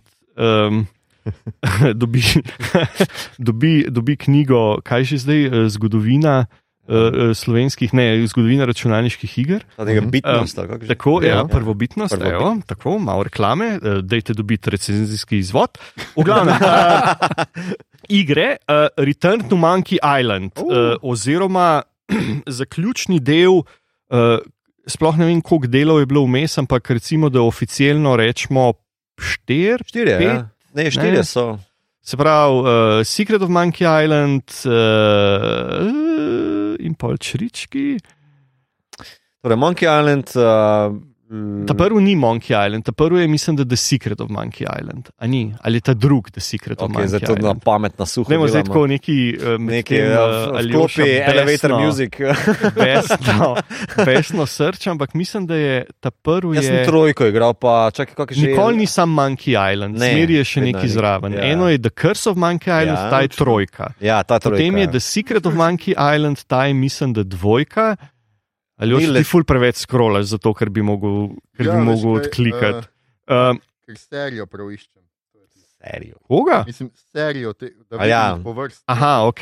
To zdaj No, v glavnem, Return to Monkey Island, pač uh, uh, Gilbert, uh, uh, glavni ustvarjalec uh, originalnega Monkey Islanda, se vrne in, in zaključi pač uh, to sago. Uh, zanimivo mi je, Tako to je že zunaj. To je že zunaj, to lahko že kupaš. Res. In igraš in obrneš. Pač zadeva je res uh, fantastična, mislim, jaz sploh obožujem, uh, obožujem uh, te uh, pustolovščine. Uh -huh. Zaradi tega, ker so mi, uh, tako so mi zanimive iz tega narativnega pristopa, in Mhm, zaradi tega, mhm. ker mi je fino v bistvu uh, gledati, kako, kako se odvija ta, uh, uh, kot se lepo slovensko reče, world building. Uh -huh. Um, ampak uh, in je res fina, no, tako in uh, tako zanimiva je, in konc je v bistvu tak, dost. Um, Uh, dosti Gilbertovski po eni strani, to sem še lepo izvedel, ker sem, jo- ker sem obrnil špil, da so vsi pissed off, da Gilbert ima kao en način zaključevanja, uh, zaključevanja uh, špilov, isto je naredil pri uh, Thimbleweed Parku, Uh -huh. kjer se v bistvu, ma ne, ne bom. Ampak no, v glavnem, pač eni ful niso zadovoljni, eh, zadovoljni s tem, kako on zaključuje špile v zadnjih letih. Meni je bilo pa to prav, prav tako za. It's been emotional, kot bi rekel, uh, kot bi rekel uh, uh, Vinnie Jones v filmu Lock, Stock and Two Smoking Barrels A to na, uh, sorry, ker te prekinjam, a si to na Steamu? na Steamu. Na Steamu, ja. Tako. Mhm. Uh, čeprav, eh, kao, če bi sledil Gilbertovemu nasvetu, se mi zdi, da je ne bi smel kupiti, uh, ker stane več kot uh, 20 dolarjev. Mislim, da je tam v, v enki ali v dvojki na koncu, Mhm. uh, se pravi, ko je una zaključna, zaključna scena uh, Gajbruša Tripwooda, glavnega lika in uh, uh, pač Elaine. Uh, Elaine, neki se pravi, uh, Elaine Benes. njegovega, ne, ne Elaine Benes, njegovega, njegovega hearthroba Ja. je tako, what did you learn from everything, in potem je eden od možnih odgovorov, never buy an adventure game that costs more than 20 bucks. In ta košta več kot 20 bucks, ampak vsem na svet kupite, igrajte. Res je fina, tudi če niste igrali prejšnjih delov, ne boste full. Uh, uh, petih delov. prejšnjih petih delov. Ma dobro, v bistvu je res tako, ta prve tri, pa tole, pa si Ja, v redu. ja. Vmes, ja. une Tales, pa tisti je bilo bolj tako, pač šur, Uh -huh. ampak ne vem, kaj mi je pa zanimivo, zakaj iz tega niso nikoli naredili neke serije ali pa neke, uh, neke ne vem kaj, ker je res zadeva, ima ful dobr. Sčiščene like, ful veliko je teh nekih zapletov. Mm. V bistvu bi bila ta paralela še najbolj uh, s temi uh, Pirates of the Caribbean. Že, ampak a veš, Eh. veš kaj je čar tega click and, uh, click and venture, no? Okej. kak je že ta žanr. No? Ja, point ja, and click. Point and click, ja. Ja. Uh, jaz mislim, da sem igral trojko, torej Krs, če se Okej, ne motim. ja. Um, ker ta interaktivnost um, je z, tako močna v teh click and, uh, Ja, point and click, uh, ja. adventurih, da v bistvu bi težko prenesel še posebej. A, veš, a je v tem novem delu mečevanje z kletvicami? Uh, ne, Naprimer, a veš, taka, spoiler. ja, taka zadeva je v bistvu zelo pomembna za neko, rečemo, serijo. Ok, dobro, pa se A ne veš. rabiš igre prenesti v, v film. Ampak tako se mi zdi, da je v bistvu za, za razliko, ali pa če primerjaš recimo druge špile, ki so dosti taki ne.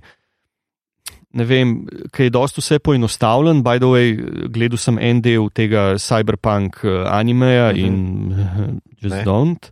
Ampak, dobro, lahko gledate. Igor je pa- drugače navdušen. Pa ne. mi reče, a res. Mm, ok. Mislim, Better Call Saul tretjič, Cyberpunk, lej, oh, wow. vemo, vemo, kaj zmaga. Ne, res nimi, ne vem, nimi, pa, pa drugače sem v bistvu kar fan teh uh, pač nekih tehno. Um, tehno distopičnih uh, svetov, ampak tle mi je bilo pa res tako malo preveč, preveč vse, preveč vse tako, kot so mi enkrat razlagali, da so te risanke zdajšnje v bistvu vse tako uh, uh, navite do, do 11, oziroma da so Mhm. vse tako neki piv, piv, piv, pa vse neki utripa, pa vse neki bliska, pa v bistvu ni noben zgod. In je tako malo kar zmatran ratam. No. Ja, ja, naporno je to. Ne moreš dva dela skupaj pogledati, je, je maksimum. Ja, no. Več je, je težko, ker je naspidirano in našopano, ampak uh, čist na eni narativni ravni, pa na eni cyberpunk world Ja. building mi pa Okay. deluje. No, lej. Ja, Bom mogoče pogledal še enkrat, ampak ja, Return to Monkey Island je Ja. ja. res dober. Pa pa še zadnja stvar Mhm. iz Kaj? slovenskih logov, jo, jo, jo. ja, To je rekel, ni- jo, jo, jo. To ni rabljeva freska, ampak je Gain Svet 2. Ja. Uh, to sicer sem šel gledat po, uh, da rečem, službeni dolžnosti, ker uh, po filmu delamo z, uh, v, v uh, konfederaciji, wink, wink, z zavodom vsak delavnice o, o varnosti in zasebnosti na internetu, ampak film. Uh, uh, zanimivo, uh, kako uh, se da v bistvu narediti film, ki je v bistvu tako, ki bi bil lahko tudi ena taka miniserija ker je, če ste to gledali, niste. Pejte, mogoče. No, vem, tako zanimivo mi je v bistvu iz tega, ker se v bistvu tako zelo um, dogajajo neke zadeve, se pravi, glavni lik je, je Gaja, The, it's, in the title. Ki v bistvu potem tam uh, rešuje uh, svoje kolege, oziroma uh, je pač razcepljena med uh, svojo ločeno družino in uh, očetovo novo punco in sestro in svojim najboljšim, uh, najboljšim prijateljem, ki je, ki je mal geek in ga pol uh, ona rešuje iz nekih situacij, plus da imate tam, uh, da imate tam uh, fantastično izdelanega uh, bad guya Jurija Zrneca, ki, zanimivo, to, kar zdaj hodimo po Sloveniji in, in uh, uh, pač delamo delavnice, in pa zmeri malo prej pridem pa poslušam, kaj se dogaja v kinodvorani. Otrokom je, najbeč, je najjači lik pač Juri Zrnec kot mm -hmm. bad guy. Ja. In to je ful Kriči. zanimivo. Glasni je. Ja. ja, samo ne, bad guys so vedno najbolj zanimivi. Ampak mislim, tako zanimivo mi, je bilo, zanimivo mi je bilo to spremljati iz tega, iz tega vidika, ker on je res, on ne počne nič tazga, kar bi bil, s čimer bi se ti tako ful neki identificiral. V Upam, smislu, ne, da, ja. da tam izsiljuje pač neke te, uh, neke te uh, uh, lastnike nekih teh uh, plažnih štantov, pa zaži, uničuje, pač, uh Mhm, -huh, pa uh mhm. -huh. krade, pa uno, pa tretje. Ampak ja, to uh, mogoče ta glasnost, pa ta neka, neka komičnost. Ja, mislim, da v prvem lika. filmu je bil bad guy, creepy stoker, ki proba najstnice Tako, dobiti, yes. da bi se slekle pred njim, ne? Yes. kar pač ni nekaj, Ja. kar Oh, bi wow. Ne moreš glih ful navijati, no. Uj, Ja. Kremš, Ne moreš glih kremš. ful navijati. Ja. Tukaj pa je on, ki pač proba zbuljati ljudi, zato da bi mu prodali vse stvari, da bi lahko kupil celo obalo in Tako, Katarini čas zgradil zgradil hotel. Oj, tako, ja, da tam v premierski stolček. In pol pač kriči na ljudi, da so kaj že Storži. storži, pa še eno frazo. O, tako v kibubi, a veš, ko storože nabiraš. Kaj že, ja, mislim, da ima ene tri No, te ne, neke zmedilke, ampak jaz sem si storže najbolj Ja. zapomnil. No. No, pač ja, piščanc. si. Pa piščanci, pa tako naprej. Ja. Ja. Okay. In pol ugrabi ene ljudi malo random, ampak kriči. Ja, no, to je kul. Lepo, A je torej Juri Zrnec, slash kriči, to je kul. Ja, guess. ot- otrokom, ja. Ja, Igralec drame, a veš. tako. Uh, kako pa se uh, ti je zdel ta prikaz uh, tega, kar v bistvu delaš, torej kiberkriminala, varno, varn, varovanja zasebnosti? Meni je, mislim, itak je to eh, za še eno serijo, oziroma za še en del, ker je zmeri problem, uh, kjer v bistvu ti nikoli ne vidiš. Tako, generalno gledano, ta cyberkriminal v resnici, tudi tako, recimo, da po mojem mnenju, je zelo neseksi, oziroma je zelo boring. Mm. Ne, Ja. ta zadeva pač temelji na tem, da okay, eno je recimo social engineering, pa ti tam skekajo akonte, zato ker si pač mislil, da ti je nekdo poslal mail, ki ga poznaš, pa v bistvu, haha, ti ga ni. Drugo je recimo ta nek sextorsion, da ti pošiljajo neke maile, kjer se moraš eh, slačiti pred kamero, oziroma kjer Ja. ja. ti govorijo, da, da te imajo slečenega pred kamero. V glavnem te zadeve so zelo dolgočasne in, in je zelo, uh, v bistvu je edina stvar, ki je ne smeš narediti, je to, da kao to držiš vse, oziroma da, te, eh, da, da, da o tem ne poveš, oziroma da nikogar ne Ja. kontaktiraš. Ne? Se Mhm, pravi, da rečeš, mhm. ok, to je full bed, mene je sram, no ne vem kaj. jaz bom zdaj to sam probo nekaj rešiti in pol v bistvu vse sam poslabšaš. Ne?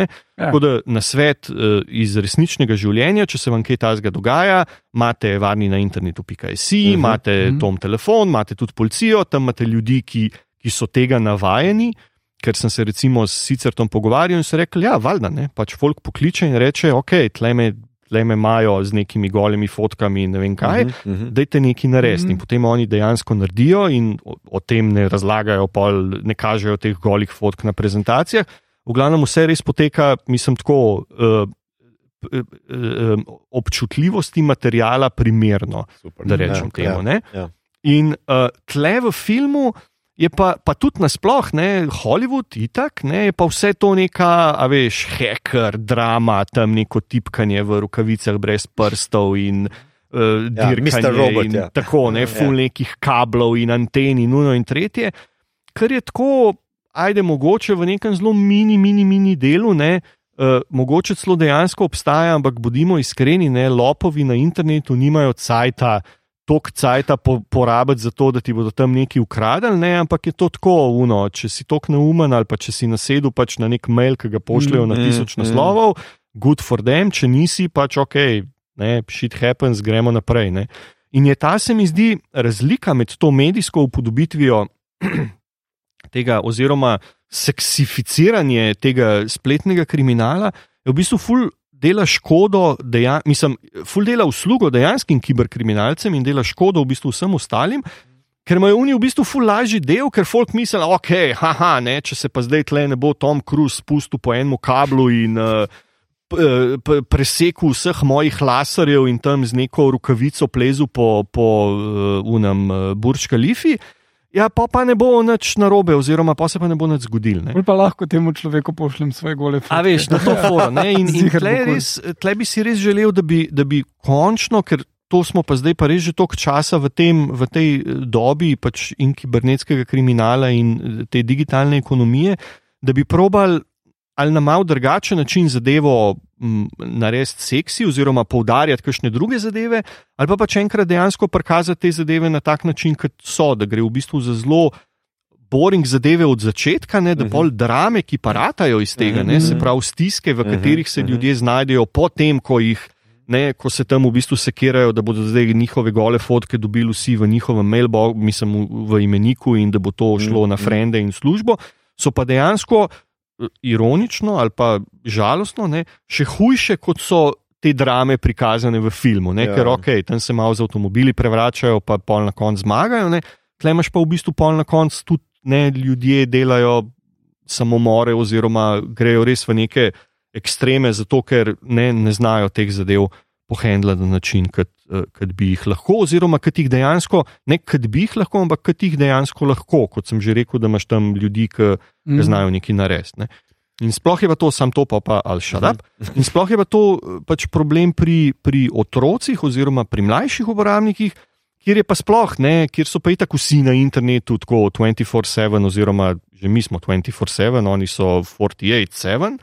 Um, kjer, eh, kjer v bistvu eh, je potem, eh, je potem ta pritisk, oziroma je ta.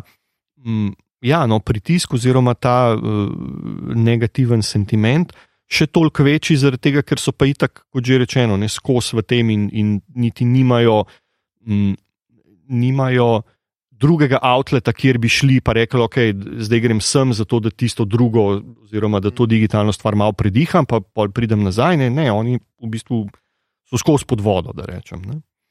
In, uh, ja, no, in je zanimivo. Pač meni, je, meni je ta zadeva čisto fascinantna, tudi zaradi tega, ker vidiš, da koliko imajo po eni strani pojma, pa koliko po drugi strani nimajo pojma o, o ničemer.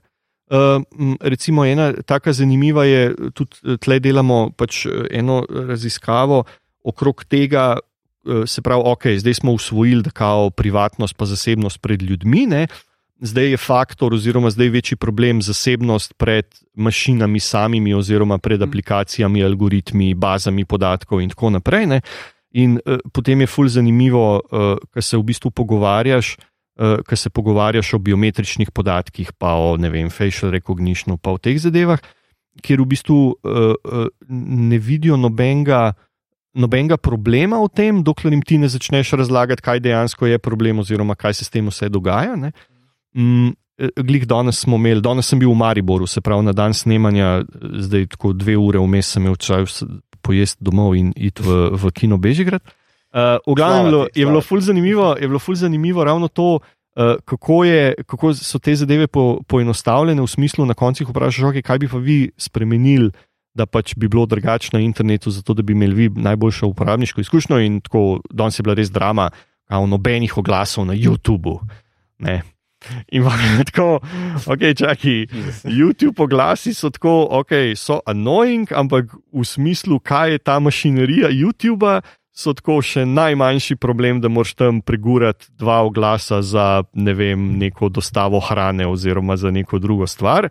Ampak, ok, pustimo to za drugo epizodo. Uh -huh. Tako da, evo, pika na Gainsway 2. No, super. Super, hvala. Evo, ale, če spiše, kdorkoli spiše scenarij na to sceno, že imam naslov, na mesto nigerijskega princa, še in florijanski princ. Uh. Super, mi to. Um, Gre za hormonni zaključek, sorry. ja. ah, mi to, da klovn. ja, ja, ne. Uh, ojoj.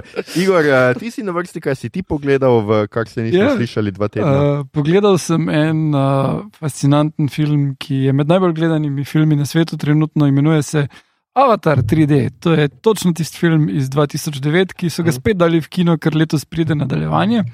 O, je ful, Uh, najbolj, ko. Zdaj, trenutno, najbolj. ja, ja, mislim, Res? zdaj, zdaj je Smile, prejšnji teden je bil uh, Avatar, jaz gledam samo najbolj gledane filme v kinu. Uh, se, gledal Ja. sem tudi pet imamo, ampak ok. Uh, Avatar, um, ja, James Cameron ga je malo spoliral. Uh, prva stvar je, ki jo opaziš, ampak to so spremenili, že ko so zadevo dali na Disney, in sicer uh, papirus fonta ni več. Uh, namesto tega so dosti standardni fonti, edino tisti avatar napis je papirusi na koncu, Mm. ampak uh, ono vse, kar navi govorijo, pa je, je čiste normalen font, tako da je lažje prebavljivo. Uh, drugače pa so spolirali stvari, ki jih ne opaziš in sicer. Uh, Baje so imeli ljudje probleme z utripanjem uh, pri določenih akcijskih scenah, kar so uh, pač povečali frame rate, uh, Dolby Atmos so dodali, kar se pozna, če si v dvorani, ki to podpira. Ampak zdaj res, mislim, ko sem 2009 gledal Avatarja, se mi je zdelo precej fucking awesome in zdaj, zdaj če še tisti zvok tam od zgoraj, prav. Je boljši, ampak ja. Um, zgodba je pa čist ista. Uh. Oh, dobro, smisel. vse, vse je Unobtainium je še vedno Še unobtainable. vedno unobtainable, ja. ja. A Uh, pa sem, so vsi pikseli tudi v novi verziji. Ja. ali- uh, je pa nekaj, nekaj kar sem opazil, kar prejšnjič uh, nisem. Uh, in to je, koliko fucking detajlov je v tem svetu. Uh, mislim, ni. In tukaj prav zdaj vsi ti Marvelovi superhero filmi so, opaziš, koliko so lame, ki jih v bistvu morajo štancati, brez da bi res detajle spilili. ne.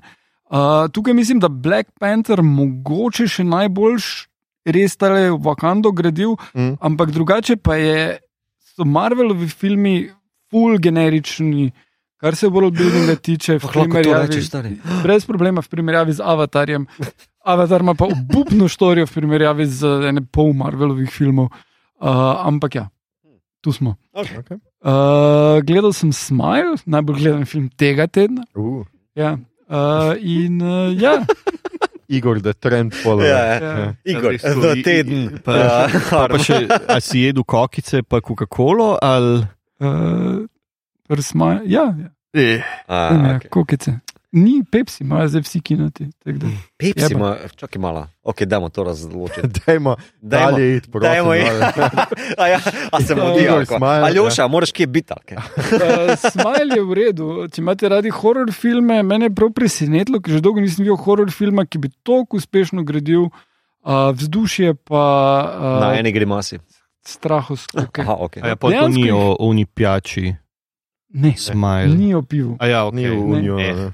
O kripi na smehih je. Mhm. Uh, ampak uh, cel ta štorija je pa malo tak, v bistvu že tam enkrat na tretjini ali pa polovici skapiraš, ok, To se lahko zaključi pozitivno, pač tako, da bo happy ending, kar bo lame, se zaključi tako, da bo downer, kar bo lame, ker ti vidiš, kako bo šlo, ali pa nekaj inovativnega. No, ni ta tretji. Ni to Ja. to. Aha, okay. Čakaj, ti, a ti resno pri hororju pričakuješ neko tako full hudo zgodbo? pa to? Ja, ja. Ja. To je tako, ke- itak. to je tako, jaz sem šel gledati v kino, Ej. v kino Mission Impossible 2 in potem je bil za mano en tip, ki se je skozi drl.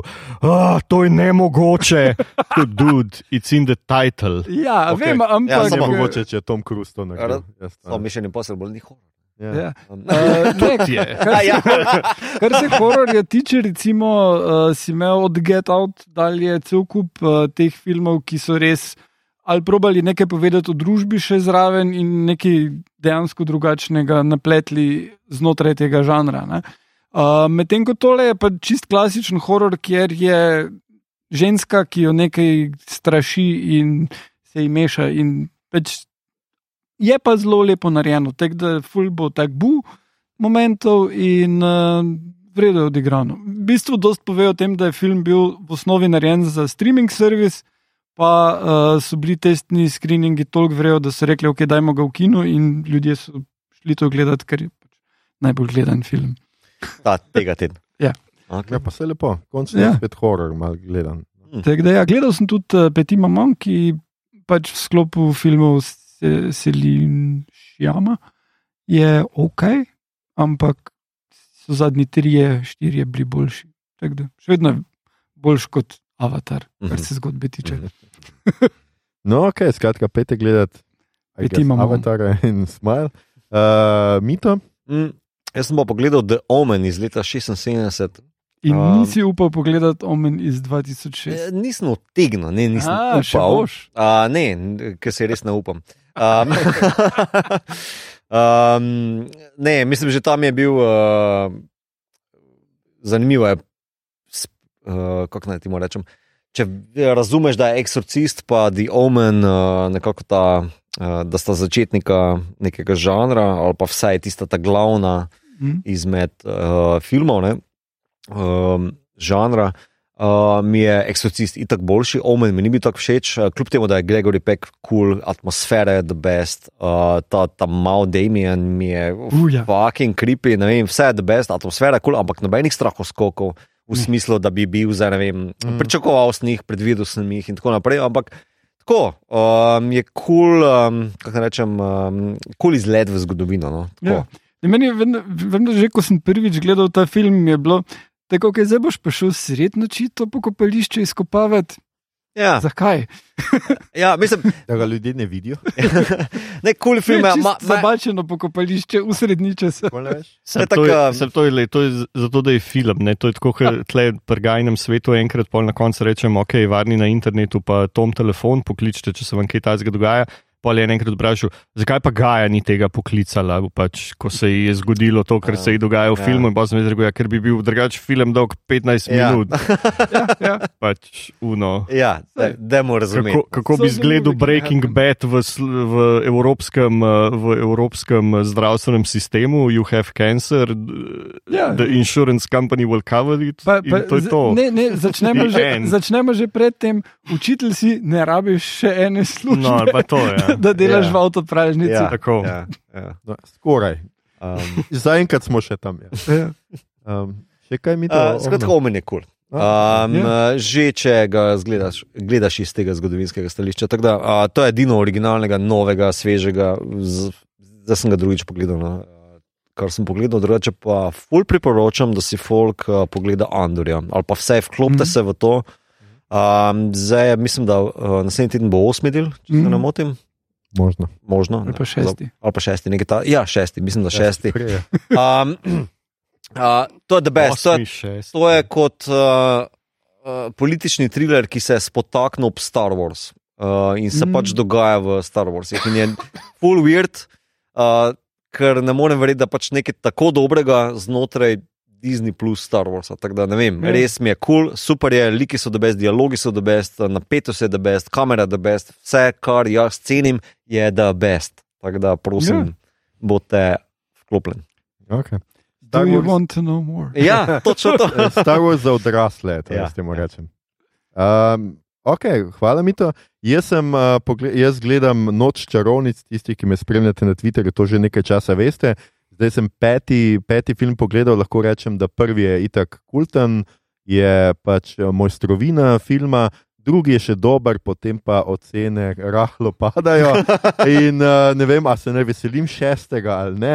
Skratka, do uh, 13. oziroma 12. ko imamo premiero Noči čarovnic, kako je zdaj že neko, konec, ne, kaj je naslov? Se, Se konča, konča, ja. ja, noč čarovnic se konča. Uh. Uh, želim pogledati vse prejšnje, tako da uh, zaželite mi. To je do srede. Torej, Ja, ja, ja. Ja. vse imam še cel vikend vmes.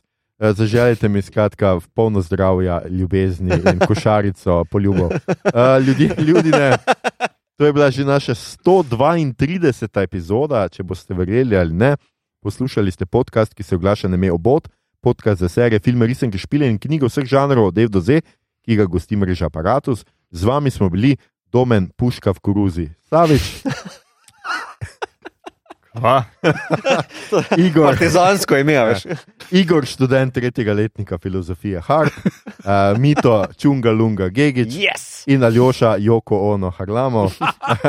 Tole epizodo smo znova posneli v našem stalnem štabu v kinogledališču Bežigrad, ki se mu seveda zahvaljujemo za izkazano gostoljubje in podporo. Uh, kino Bežigrad je kino za zaljubljence, zaljubljence sploh, zaljubljence v film in zaljubljence v dober žanr. Če vam je bilo všeč, kar ste danes slišali, delite, všečkajte naš podcast, naročite se nam preko vaše najljubše aplikacije oziroma ponudnika podcastov, dajte nam kakšno ceno na Apple Podcast ali Spotify, spremljate platformo Apparatus z odličnim izborom podcastov za vsakega. In če boste v naslednjih dneh slučajno iskali kakšno zaposlitev, potem imamo ravno pravo stvar za vas.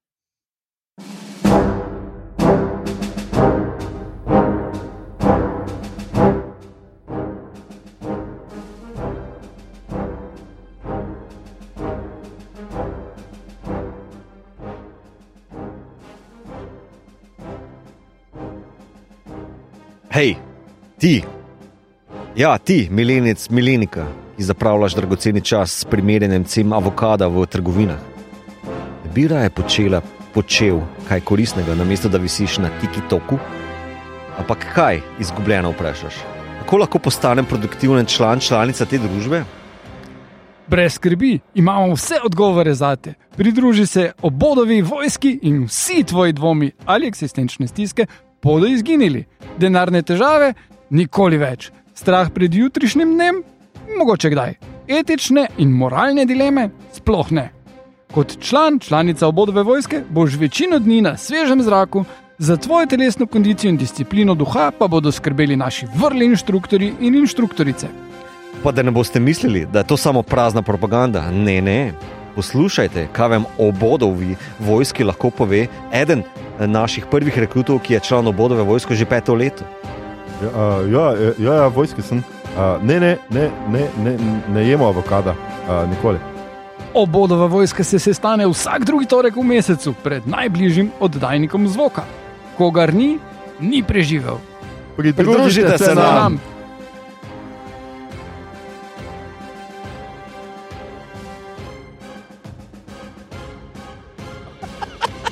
Um, na Twitterju nas najdete kot adpodcast.obot, na Facebooku in Instagramu kot podcast SKM, obot brez pikice vmes. Sicer pa najdete vse pomembne povezave tudi v drevesu, povezav oziroma na Linktriju, ki ga najdete na dnu objave. Od, tega, uh, od prejšnjega tedna vas vabimo tudi na dnu objave, imate uh, Discord server oziroma povezavo ali karkoli že do tja, kjer lahko klepetamo vsem o tekočih epizodah, o tem, kaj žanrskega konzumiramo ali bomo konzumirali, sprotnih kratkih recenzijah in še marsičem.